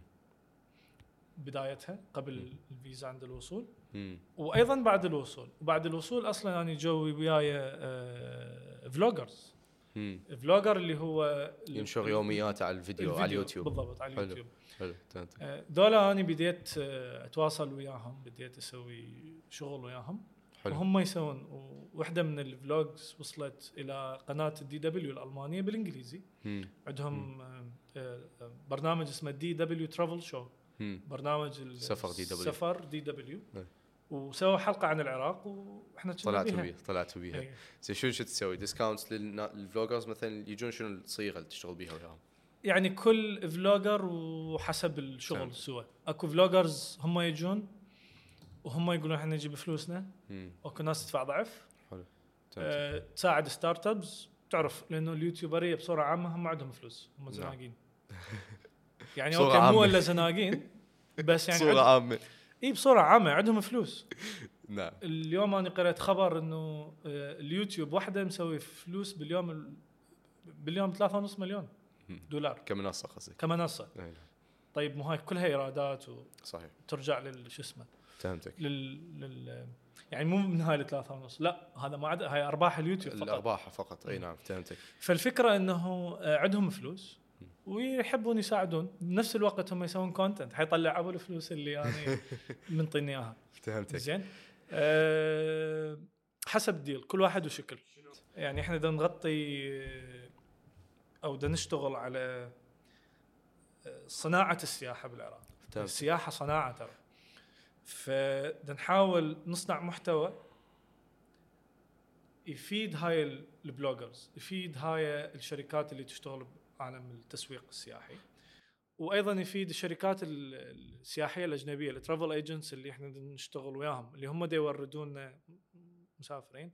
يعني هسه تشتغل بي تو بي وبي تو سي ويا الغرب بصورة عامة ويا الشرق همين أكيد هو اليوم أي آه، شركة آه، لازم تبحث عن آه، زبائن سواء كان بي تو بي أو بي تو سي فإحنا الزبائن الأجانب مالتنا منقسمين اثنيناتهم 80% منهم B2B ليش؟ لأنه already يعني قصدك يجون من travel agencies من travel agency أجنبية. وكالة سفر. أي نعم. فهمتك. آه، ويجينا تقريبا جاهز. already أبو ال agency هو مسوق للعراق ومنطيهم ال- ال guarantee بالأمان بالخ- بال بال بالتجربة الزينة إلى آخره. آم، الأجنبي أصعب إنه يجينا B2C لازم يقنع إنه يعني أصعب عليك إنه تستدرجه أو تج- تجذبه مباشرة من يمك. لازم تصنع له محتوى لازم تقنعه إنه انت شركه آمنة. فصعب هالموضوع. آمنة رصينة يعني عندها quality شركه عراقيه وأنت عراقي. قانونية مجازة إلى آخره. فبنفس الوقت هو يروح لشركة أجنبية بها هاي المواصفات. بدورها تتعامل ويانا. و... ويجونا. يعني أنا بالنسبة لي هم أحب هيك شيء أضمن ذولا الناس يجين يعني شركة تجيب لي جروبات تجيب لي أعداد أكثر مما أنا جد ما أحاول أسوي تسويق. مع العلم أنا لحد الآن ما منطلق بحملة قوية لل B2C. فهمتك وإذا ننطلق بهيك شيء ممكن تصير الفرص متكافئة 50% 50% بس اتصور لأن أكو ناس يريد يجون هيك على مود السعر يكون أرخص. لأنه. الأجنبي حيحمل له آه، نسبة الربح. فهمتك بس راح اظل أتصور يعني إنه حتى أرخص بالنسبة لكم انه تشتغلون ويا الوكالة مال السفر بس لأن ما عندكم عبء أنه تجذبون الزبون. هو مو قصة أرخص أو يعني- بالنسبة لي نفس الشيء. يعني أرخص لجذب الزبون. كتسويق ما تحتاجون تصرفون أكثر. إي أسرع تقول آه، أضمن انه أنا بدال ما أسوي group tour أسوق لها أشهر هو خليه يسوق لها أشهر ويجيب لي إياها. زين. وهذا يعني أكو بغير دول هيك نظام أنه الأغلبية هي من وكالات السفر تجي كسياح؟ إي طبعا لأنه هو منو اللي يجي العراق أصلا؟ هو عنده فد حافز يسوي show off. إنه يتباهى. يتباهى قدام جماعته. أنا رحت لبلد آه، بي يعني بي كان conflict اللي صح له post-conflict يعني ما بعد النزاع أو ما بعد الحرب. أي نعم. يعني بلد طالع من آه، يجون العراق يروحون ال- الأفغانستان يروحون باكستان اليمن سوريا ليبيا كوريا الشمالية. ما بيها آه، جانب يعني sadi شوية هذا يعني؟ لا مو بالعكس. يعني يعتبروها قلت لك انهم نوع ال- المفخرة إنه هو adventurist لأنه مغامرة. هاي يصحوا لها سياحة ال adventure المغامرة. المغامرة. انه انه راح دولة خطره وهذا الشيء يعني سائد من زمان من أيام آه، ما بعد حرب فيتنام. فيتنام شوي شوي بدأت تصير ويا ويا ال West ويا ال America الغرب يعني اليوم تشوف هواي استثمارات أمريكية في فيتنام. مم. آه فالناس بدأت تروح سياحة لهاي المناطق. مم. الأمريكان الغرب. يعني ما بعد الحرب ما بعد الحرب. راحوا لألمانيا. لليوم نعم. يروحون يصورون ويا جدار برلين. اي اي صح؟ اي صح. بعد إيش قد؟ ويروحون الهيروشيما يشوفون المكان اللي وقعت به القنبله النووية. فهاي يروحون ما أعرف أكو فد يعني أدرنيالين عند ال- الأجنبي. عند الناس إنه. تروح تسوي هيك مغامرة. ما أعرف إحنا جزء إحنا عايشين المأساة. عايشين معاناة فما عندنا هذا شو اسمه. واكو ناس عندها شغف كلش كبير بال history بالتاريخ وحضاره ما بين الرافدين. آه يزورون المواقع الأثرية. اكو ناس تحب الثقافة والاكل الموسيقى. آه تحب ال Middle East بصورة عامة والأكل مال الشرق الأوسط. الشرق الأوسط. فيحبون ياكلون الأكل الشرق أوسطي آه، ويجربون المطبخ العراقي. لذلك آه، آه، يعني إحنا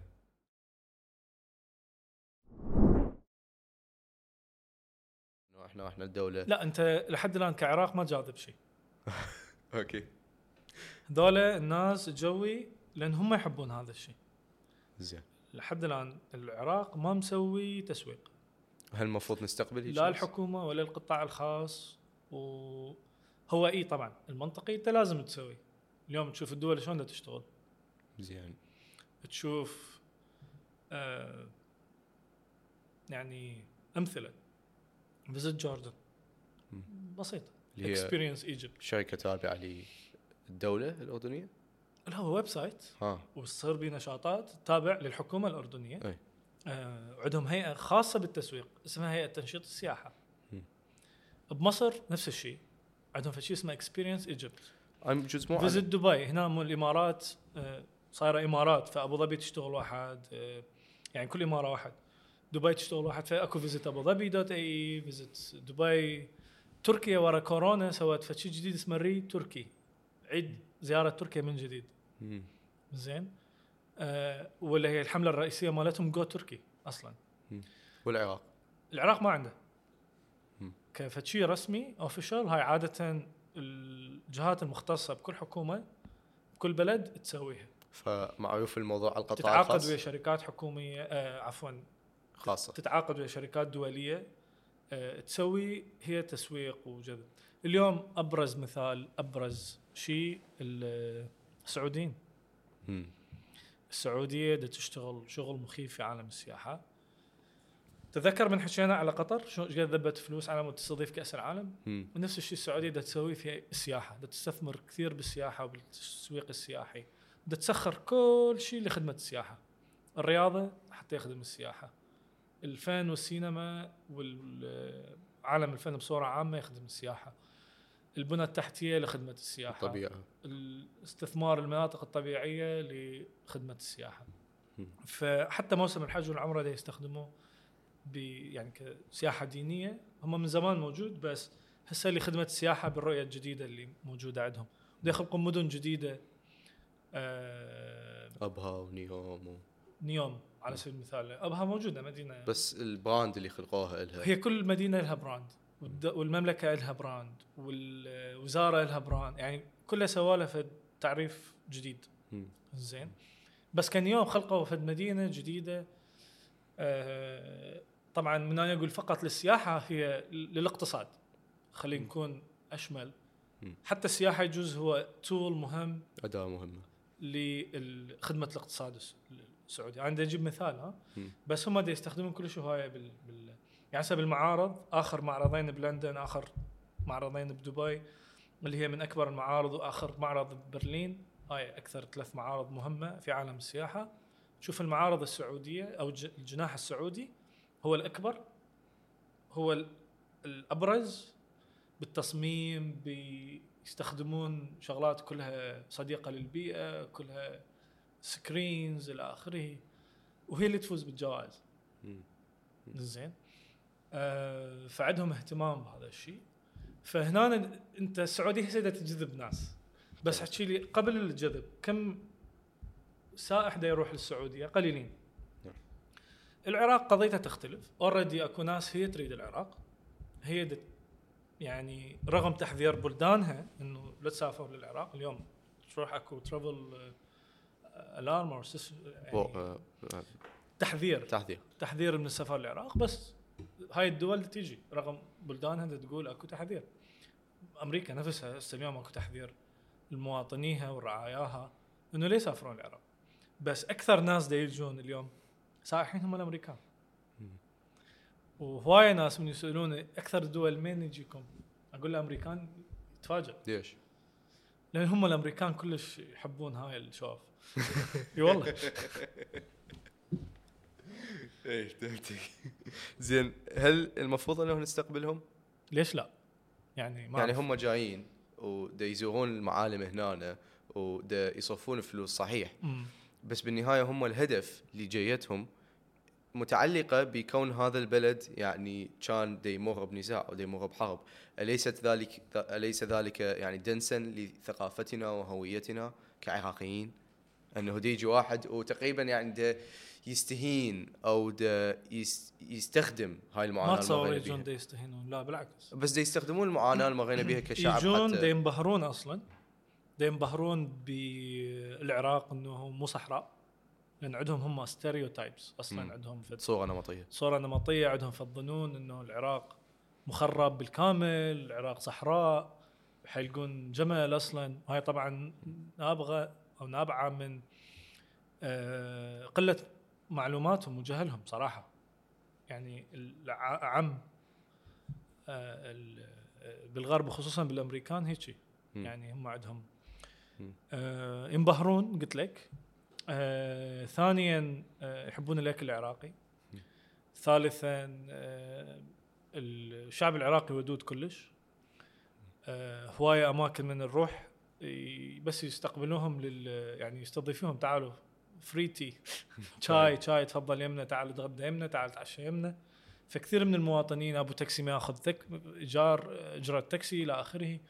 يعني هواي هواي حالات صارت. ق- بغض النظر العراقي ما يعرف إنه هذا أمريكي أصلا وحتى وإن عرف أمريكي فمو يعني إحنا مؤثر. مسالتنا يعني شنو ذنب السائح اللي هو مواطن أمريكي كشعب أمريكي بحماقات ارتكبوها سياسيين من من البلد مالته. شنو ذنب ان هسه أنا وأنت كمواطنين عراقيين إذا نروح الكويت من صدام ارتكب حماقة واحتل الكويت. ليش أنا دا أحاسب مواطن عراقي ما له علاقة بشغلة صارت قبل 30 سنة. ليش أنا حاسب أمريكي؟ ما له علاقة. شغلة سواها آه، سياسي أمريكي قبل 20 سنة. نرجع بس شوي على السعودية. أه، وذكرت السعودية والصرف اللي تصرفه والجهد اللي تبذله بهالموضوع. يجي سؤال ببالي هو أتصور أكو كفتين بالميزان. الأول هو إيش قد تاريخ وثقافة عند البلد فعلا وإيش قد فلوس مستعد أنه يضخ حتى يسوي لها تسويق. يجوز الكفتين بحالة السعودية هي زينة. يعني بلد صار له هواية عنده معالم تاريخية ثقافية أو يجوز هذا اللي أنا اقتنعت به من الماركتينج مالتهم. بس إذا مثلا نجي نباوع على الإمارات إذا نجي نباوع على قطر اللي هو دول ما صار لها كل شوية بس عندها كل شوية فلوس انها تضخها. هل تشوف الفلوس تحل المشاكل اللي ما يحلها كون وجود ثقافة وتاريخ سابقة للبلد؟ لو ما تحل كلش. لا بس أنت دا تخبط الأمور السعودية شوي تختلف عن باقي بلدان الخليج. السعودية بلد آه، عنده تاريخ. أي، آه. قلت لك إنه هو بالكفتين هو يعني إي السعودية عندها آه، قوة بشرية كبيرة مقارنة ويا باقي دول الخليج. آه، السعودية فعلا عندها معالم تاريخية وطبيعية. مقارنة ويا باقي دول الخليج. يعني الإمارات مو ما بيها بس بها قليل. قطر مو ما بيها بس بها كلش أقل. باعتبار حجم ال- ال- المساحات الدول قليلة صغير- صغيرة. السعودية مساحتها كبيرة آه، عدد ناسها كبير آه، وعندهم فعلا يعني طبيعة وآثار وأماكن تجارية آه، بنى تحتية بصورة عامة. فأنت ما تقدر هيك تقارن. إي التسويق مالتهم كلش قوي ودا يأثر. أنا واحد من الناس أيضا تأثرت. يعني من سفرات البزنس اللي صارت عندي هي حضور الورد توريزم سمت قمة السياحة العالمية استضافتها الرياض آه، السنة الماضية. و صارت فرصة بعد ما خلص المؤتمر آه، أروح ل يعني أستكشف كم مدينة. بالسعودية. ممكن مستقبلا ان أني أشتغل آه، يعني outbound أيضا يعني تاخذ عراقيين عراقيين للخارج. لل- للسعودية. واللي خوش فكرة. هي مو هي مو فكرة مو جديدة يعني هواي عراقيين شركات يشتغلون هذا الشغل أصلا. ها. بس للسعودية اي خوش فكرة طبعا. بس فرحت رحت للعلا. ليش؟ أول شيء قلت له أنا أروح العلا. هي منطقة يعني لأن العلا هالقد ما تارسينا بيها بالإعلان. ورا كل لعبة مال برشلونة تطلع لك العلا بالتلفزيون. باليوتيوب تشوف العلا يطلع لك بالفيسبوك صح؟ ف ايراد لنا هيك حملة تسويقية للعراق حتى نواكب. بس ما اتصور من الواقع انه نسوي هيك شيء فإذا نفكر شوية ببراغماتيه أكثر نقدر نقول إنه هذا الموضوع معيوب في القطاع الخاص. لا لأنه اللي دا يشتغلوه ستعوفك من السعوديه آه الأردن تركيا آه هاي الدول مصر. صحيح. يعني هاي قريبة من مشاكل الاقتصادية وال يعني كإنتاج أكيد لكن هل هي قريبة لي؟ وطني ها؟ لكن هل هي قريبة لعدم التكتل السياسي؟ يعني سعوفنا من هاي الأمور كلها. إيران. أي. إيران كدولة سياحية بامتياز. إيران كدولة منتجة ثقافيا بامتياز. عندها حملة فيزيت إيران. تابعة للجمهورية لل يعني للدولة. وتشارك بمعارض. وديجوها سائحين من كل البلدان ليش وحتى أمريكان يروحون لإيران ليش ما نسمع هواي عنها بالعراق؟ يعني ما اتصور أكو هواي سياح عراقيين يعني يروحون لو طهران لو مشهد وإذا كلش كلش مو شيراز،. الأودينس يختلف أخوي الأودينس يختلف هسه أنت بدنا نحكي عن الأجنبي ولا العراقي عراقي لأن العراقي ال travel style مالته يختلف عن الأجنبي أنت العراقي من يروح ايران شو يشوف شو يشوف؟ طهران طهران، شمال مشهد. إيران مشهد للزيارة وقم صح مم. بس انطيني قلائل جدا يروحون كيش يروحون أصفهان يروحون بينما الإيران الأجانب من يجون الإيران يستكشف هاي المنطقة كلها بنفس الطريقة اللي يجي يستكشف بها العراق. وعددنا إحنا الدول. طبعا إيران نسيتها قبل شوي. إيران من ضمن هاي الدول. يعتبروها إنه منطقة بها تاريخ. آه، تاريخ وأيضا دولة بها controversial أكو أكو مواطنين أمريكان يعاندون حكومتهم ويروحون للدول اللي مانعيها. من. زيارتهم إيه. أو يحد بها تحذير مو ممنوع إيه. لا تفهمني؟ فهمتك وهي أكبر وبيها بنية تحتية أحسن وبيها حملة تسويقية ما له علاقة okay لأنه صح إحنا عندنا بنى تحتية ضعيفة بس مو كلش ضعيف okay. يعني أكو شركة تعامل وياها أول مرة يجيب group قال آه وبدأ يروح أماكن لأول مرة ويا ال group ويانا قال أنا كنت أتصور ال- العراق حيكون أسوأ مما شفته له. نهاية الرحلة يعني من ال feedback اللي بدينا نت- نتباحث بها قال اني رايح للهند وهند ما بها مناطق يعني ما بها حرب. ما مرت بحرب ويا دولة أخرى. جزء عندهم مشاكل داخلية إلى آخره. بس قال مريت بطرق مريت بفنادق مريت بالهند وبأفريقيا وبأمريكا الجنوبية. تعيسة جدا. العراق هواي أحسن منها. بس بنفس الوقت إحنا نطمح إنه العراق يكون مكان أحسن مثل تركيا مثل الخليج مثل بعض الأماكن بمصر.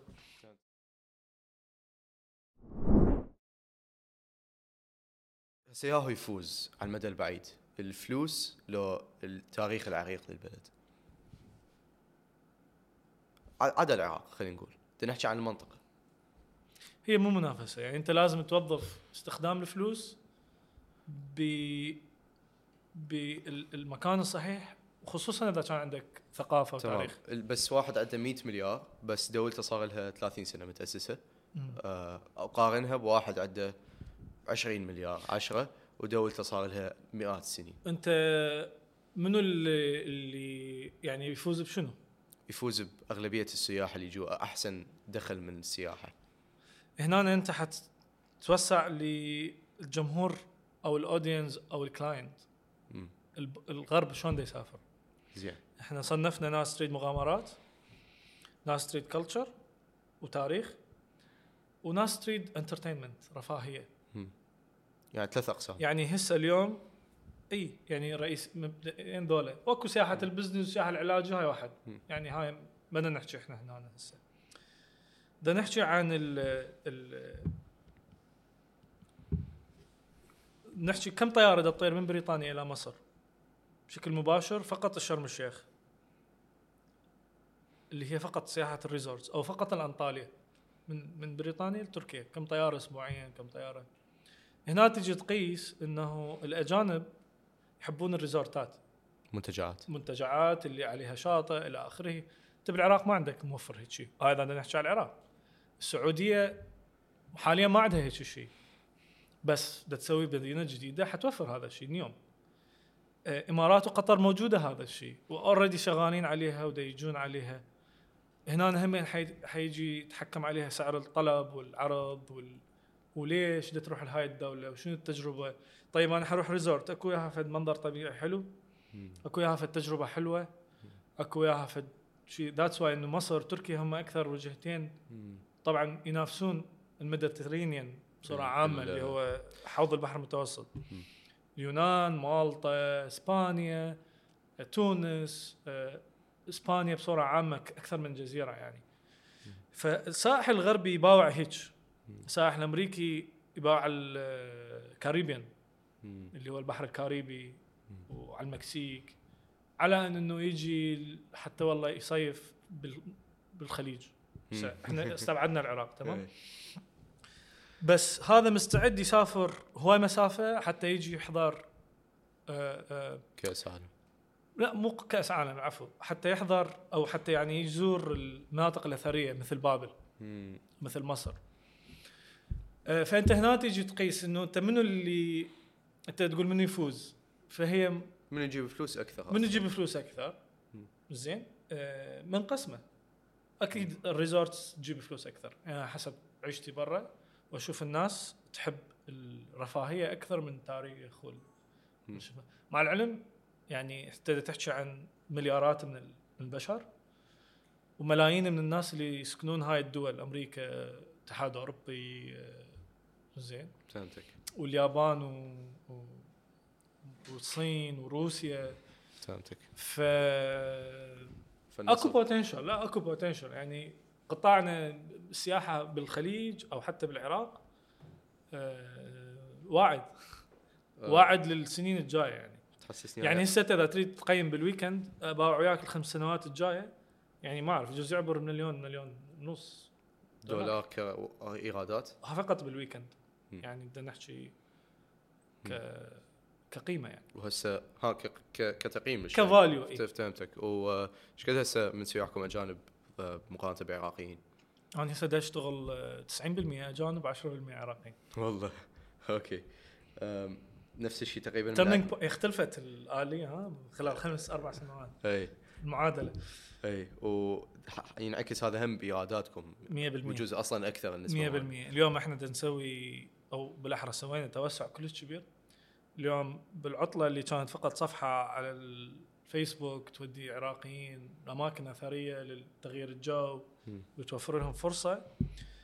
آه لأنه أبو بال weekend يحب هاي المناطق ويحب هذا ال travel style آه صار شركة رسمية. اولا اشتغلنا على القانون على البنية ال- الأساسية القانونية. آه وسعنا الفريق. آه استثمرنا بأسيتس اشترينا سيارات.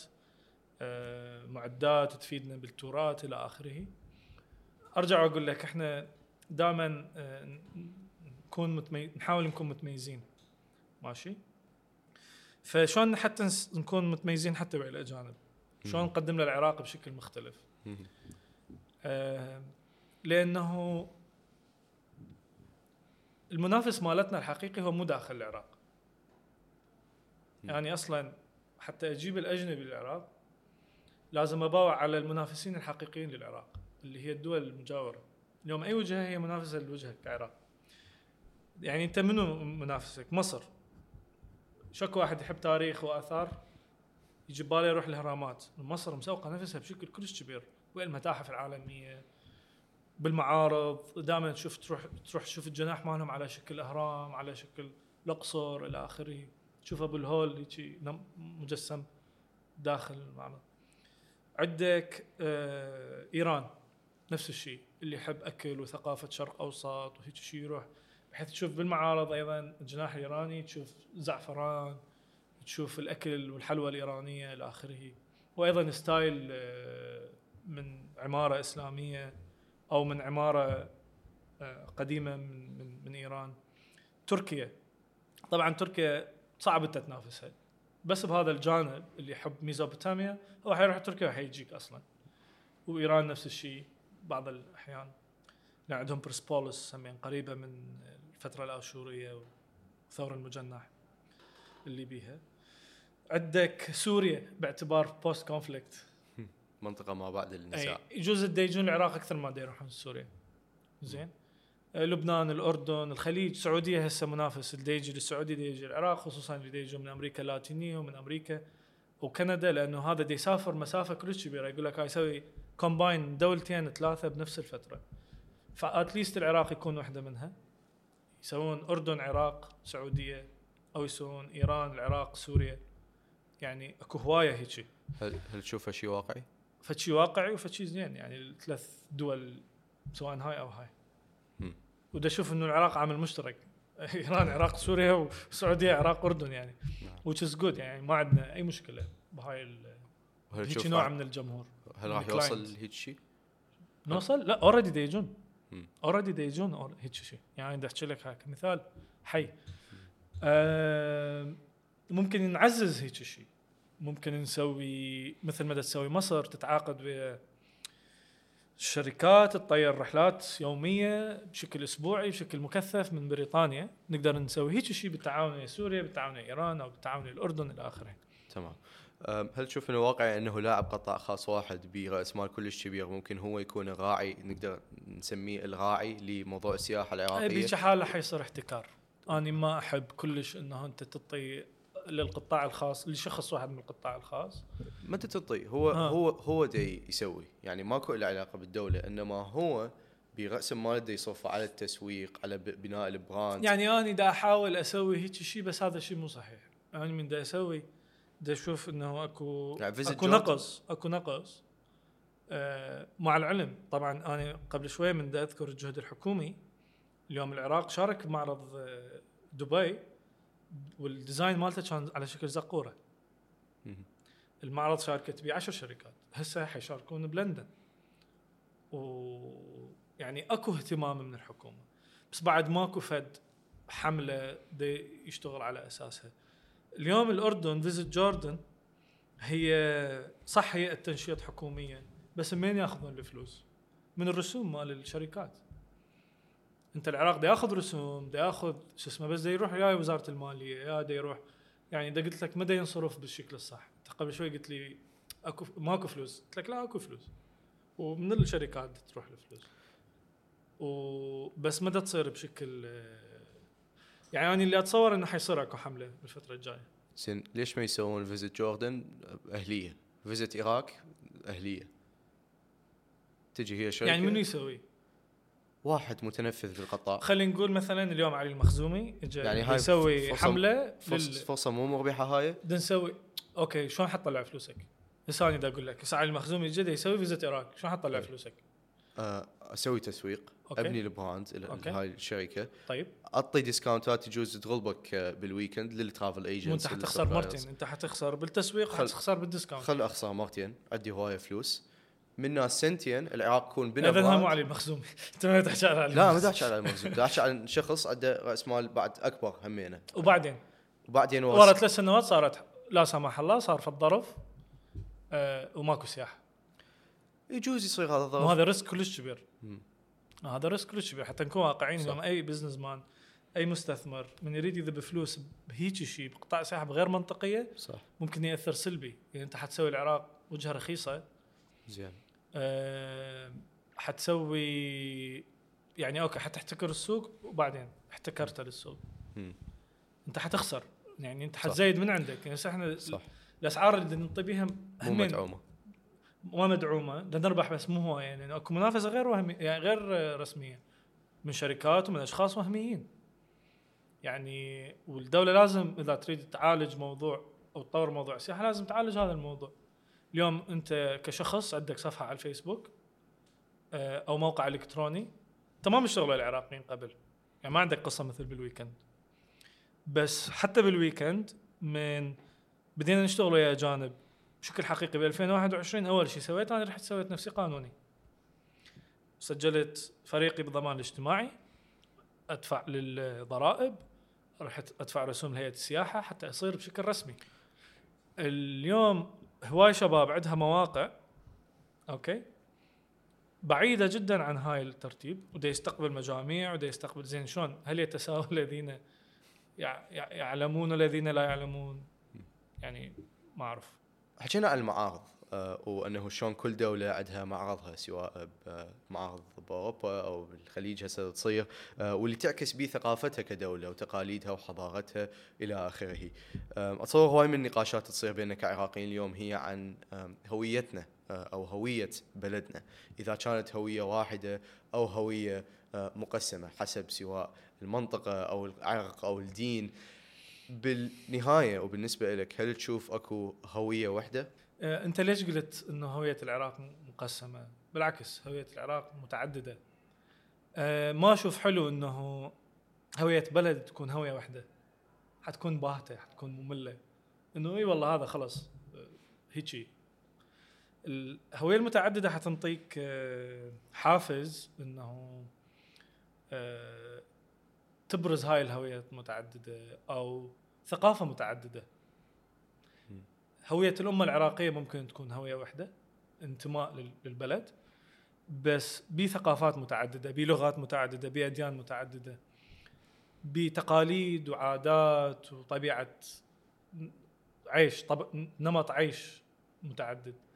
من يجون أجانب ينزلون ببغداد بعدين نبدي نروح بابل وكربلاء ونجف بعدين وراها نروح ناصرية وأهوار وبصرة ونرجع نوصل حتى الموصل والغربية إلى آخره والشمال كردستان العراق.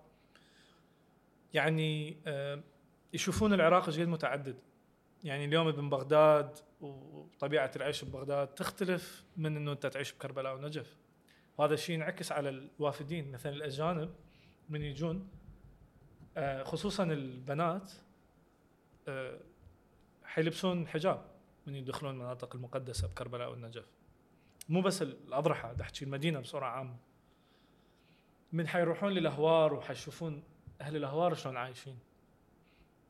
زين البصرة كمدينة الموصل كمدينة. يعني هل أنت تجي اليوم تقول هذا مو عراقي وهذا عراقي؟ فأنت شلون تريد تركز بهوية واحدة؟ فاني هنا أقول التنوع اللي عندنا آه، هو نعمة. وهاي النعمة دا ينطي طابع خاص لكل منطقة لكل ريجن لكل إقليم لكل محافظة. دا ينطي طابع خاص آه، ودا يثري التجربة تجربة السائح. في مجال السياحة أحلى شيء إنه أنت تروح بلد متعدد. ليش الغرب أو يعني سائحين بصورة عامة؟ من يروحون الهند يتونسون يروحون ماليزيا يتونسون يروحون أفريقيا يروحون هاي الدول. بنفس الوقت من يجون العراق يتونسون. من يروح الخليج طابع واحد نمط واحد هوية واحدة. يعتبروها boring مملة. فما يطول بها هوايه يعني الإمارات كلش هوايه بالنسبة لهم زايد عليها ثلاثة أيام أو أربعة أيام. بينما بالعراق مستعد يبقى أسبوع مستعد يبقى عشرة أيام. واصلا مستعد يجي على كل event يعني هسه إحنا عندنا الزياره الأربعينية لها طلب خاص لها جمهور خاص يجي يعيش هيش تجربة تجربة دينية. مو لأنه هو مثلا متأثر بال بالإسلام أو متأثر بالطقوس. بس هو بالنسبة له يشوفها فشي مميز مختلف. يعني هو يجينا بفتره ثانية ويسمع إنه أكو فشي اسمه الأربعينية حيرجع يجي من جديد حتى يحضر أجواء الأربعينية ويمشي من النجف الكربلاء على سبيل المثال ويعيش هاي الأجواء. بنفس الوقت هو حيروح المناطق ثانية أو أكثر مما يطلبون هيك يطلبون هيك زيارة أو هيك تجربة. هو تشوفه يروح مثلا المهرجانات أو الطقوس دينية مختلفة بالبلدان. أكو ناس تحضر آه، آه، شايف منطقة جبل عقرة اللي تصير به الاحتفال الرئيسي بنوروز. أكو ناس توقت رحلتها ويا نوروز. تيجي تشوف العراق كله بعدين تنتهي يوم 20 آذار 21 آذار حتى تحضر تمو آه، نوروز. وكل الآشوريين ولا يزيد الآشوريين بعده ما صاير مشهور كلش. إن شاء الله إحنا نشهره. إن شاء الله نشتغل على تسويقه. اكو مهرجان اشوري آه الايزيديين عندهم اعياد العيد الرئيسي already اكو ناس تجي عليه صحيح؟ زين. فهاي التعدديه الحلوه انت تخلق لك products في عالم السياحة في مجال السياحة. فاحنا لازم نكون شطار ونعرف شلون نشتغل عليها. فاني ممتن انه العراق متعدد الثقافات. فهمتك. آه بس كلحظات مشتركة مم. وذاكرة مشتركة مم. للشعب كله هل اكو ذاكرة مشتركة للشعب العراقي بكافة طوائفه واعراقه؟ لحظة 2007 مم. لما العراق فاز بكأس آسيا. يعني كانت نقطة توحد. يعني آه، الوحدة الوطنية صدق برزت وفعلا يجوز أنت كنت صغير. أنا كنت عايشها. لما نقول فوز العراق بكأس آسيا ساهم بتقليل الحدة الطائفية بذيك الفترة. أنا كنت عايشها. يعني على غفلة الشعب من فزنا على السعودية آه، واحد يشبك اللاخ بالشارع واحتفلنا وما نعرف هذا سني شيعي كردي إلى آخره. آه هاي وحدة من اللحظات اللي وحدت الشعب. من اجى البابا لل- للعراق أيضا ممكن نوصفها إنه هي لحظة وحدة الشعب. okay أكو بعض الأصوات اللي ما مقتنعة، اللي ما مفتهمة، اللي اللي عندها وجهة نظر محترمة، يجوز هم يعرفون شغلات إحنا ما نعرفها. بس بالأعم الأغلب إنه آه، لحظة وحده العراقيين.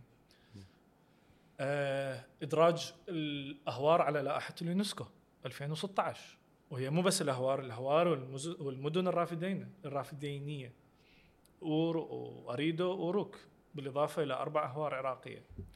آه، من اندرجت بابل 2019 على لائحة اليونسكو. يعني وحدت العراقيين خصوصا المهتمين بهاي المجالات آه، هواي اكو لحظات بس إحنا للأسف آه، ما نركز على النقاط الإيجابية. إحنا نريد أي ترند سلبي حتى نصعد عليه وحتى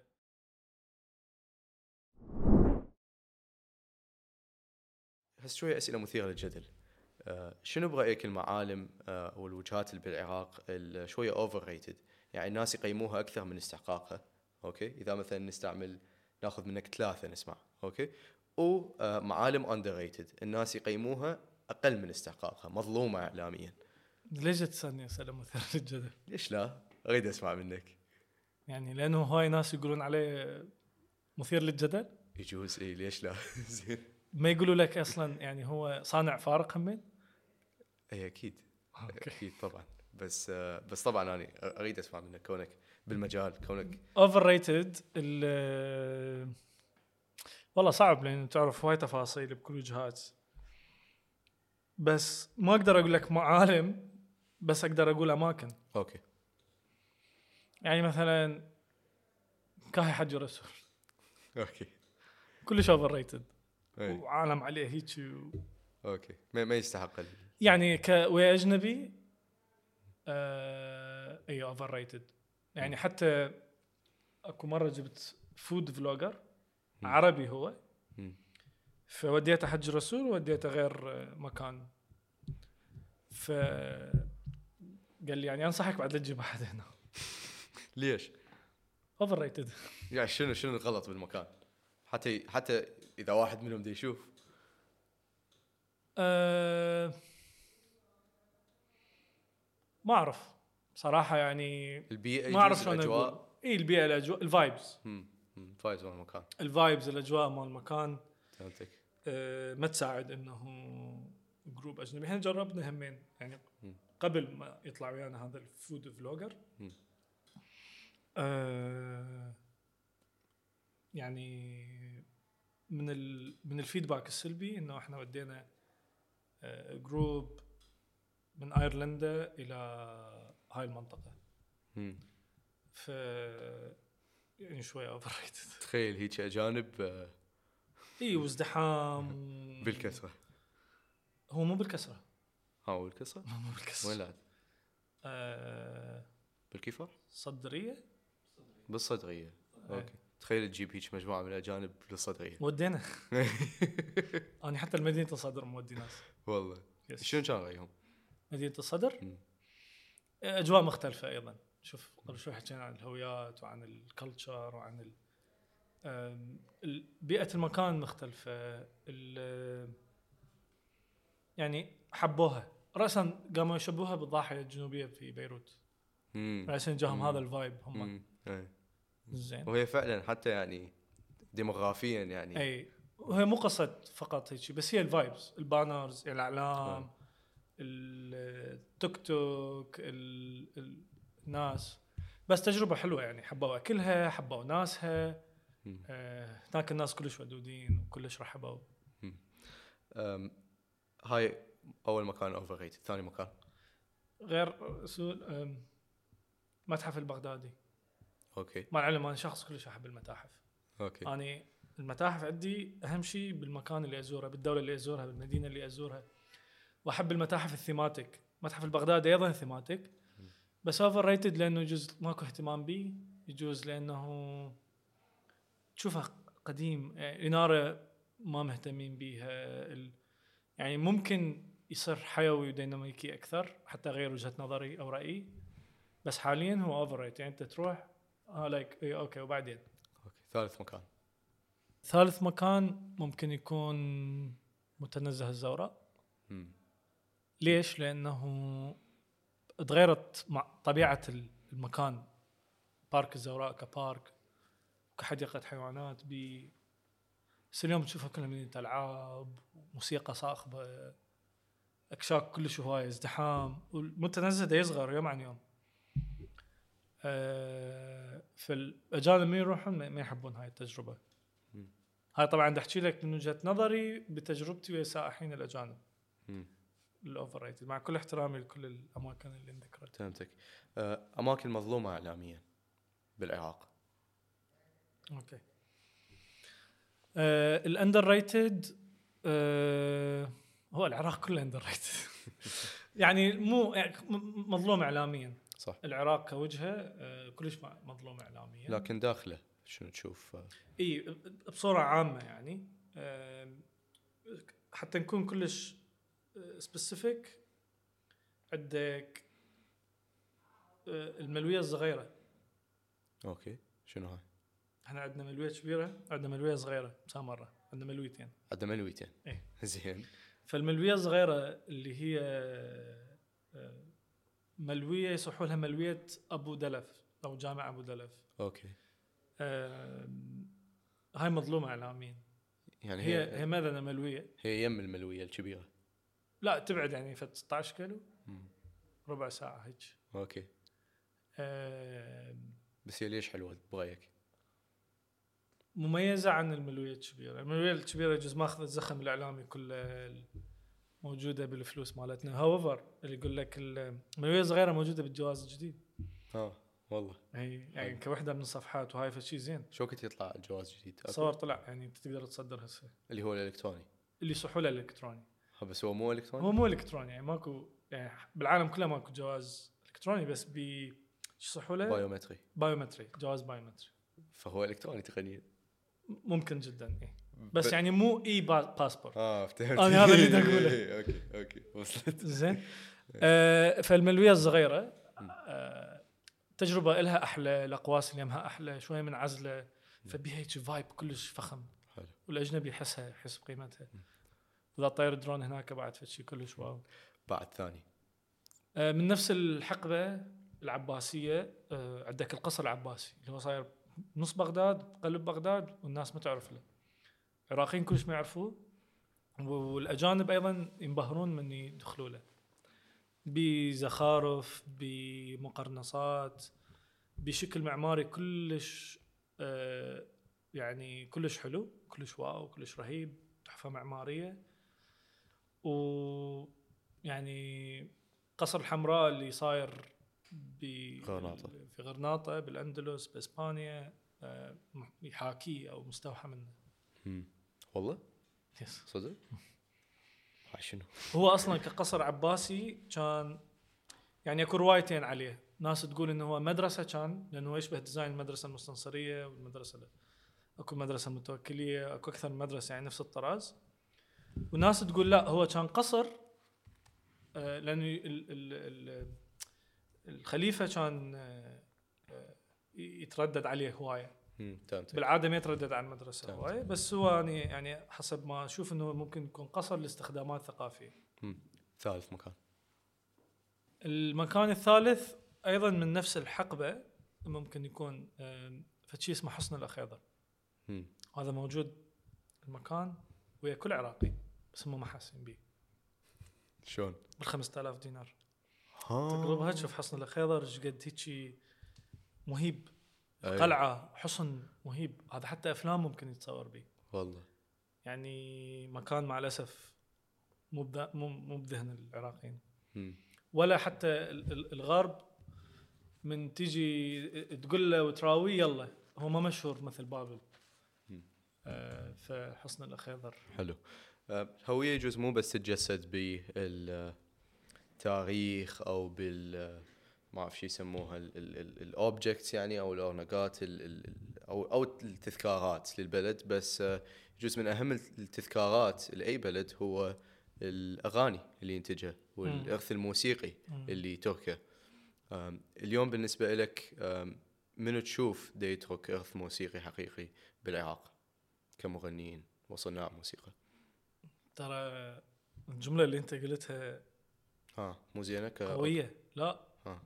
هيك وضع قوية. هاي الأرث الموسيقي اللي دا يتركوه هذا الجيل. أو يعني الموسيقيين حاليا. أوكي. يعني ما أعرف شو اجاوبك صراحة. زين يعني ما تشوف إنه أي أحد يخلق أرث موسيقي؟ مو اليوم؟ بهاي السهولة. يعني كلمة ليجاسي أو إرث يعني يعني ممكن منو من بعد جيل ال- الستينات سبعينات خلق. خلق هيك أثر. يعني إحنا ليش نقول سبعينات ستينات؟ لأن أغانيهم لحد الآن دا تنذكر. كامثله يعني أغانيهم لحد الآن ممكن نغنيها ممكن بس نسمع مقطع ننطرب وياها وأهلنا رأسا يكملون الأغنية. عندك قحطان عطار عندك حسين نعمة عندك يعني هاي المغنيين اللي بعد عايش واللي آه، توفى الله يرحمه يعني. ف فهمتك. يعني ها هذا ال- ال- ال- شو اسمه ناس مثل كاظم الساهر. كاظم الساهر ترك أثر. أي م. هذا الجيل اللي ما بعد السبعينات. مم. بس احكي لي من ورا كاظم الساهر. ما أدري. حسام الغسام حسام يجوز ترك فد ذاكرة حلوة أو ترك فد انطباع حلو فترة إحنا كنا محتاجين نسمع إيش نمط من الموسيقى. خصوصا ما بعد الحرب 2003 طلع أغاني وطنية آه، خلت الناس تحبه خلت الناس تتذكرها هاي الأغاني. خصوصا جيلي جيل شوي الأكبر من عندي. آه، بس وراها. يعني ورا 2007 شنو سوى حسام؟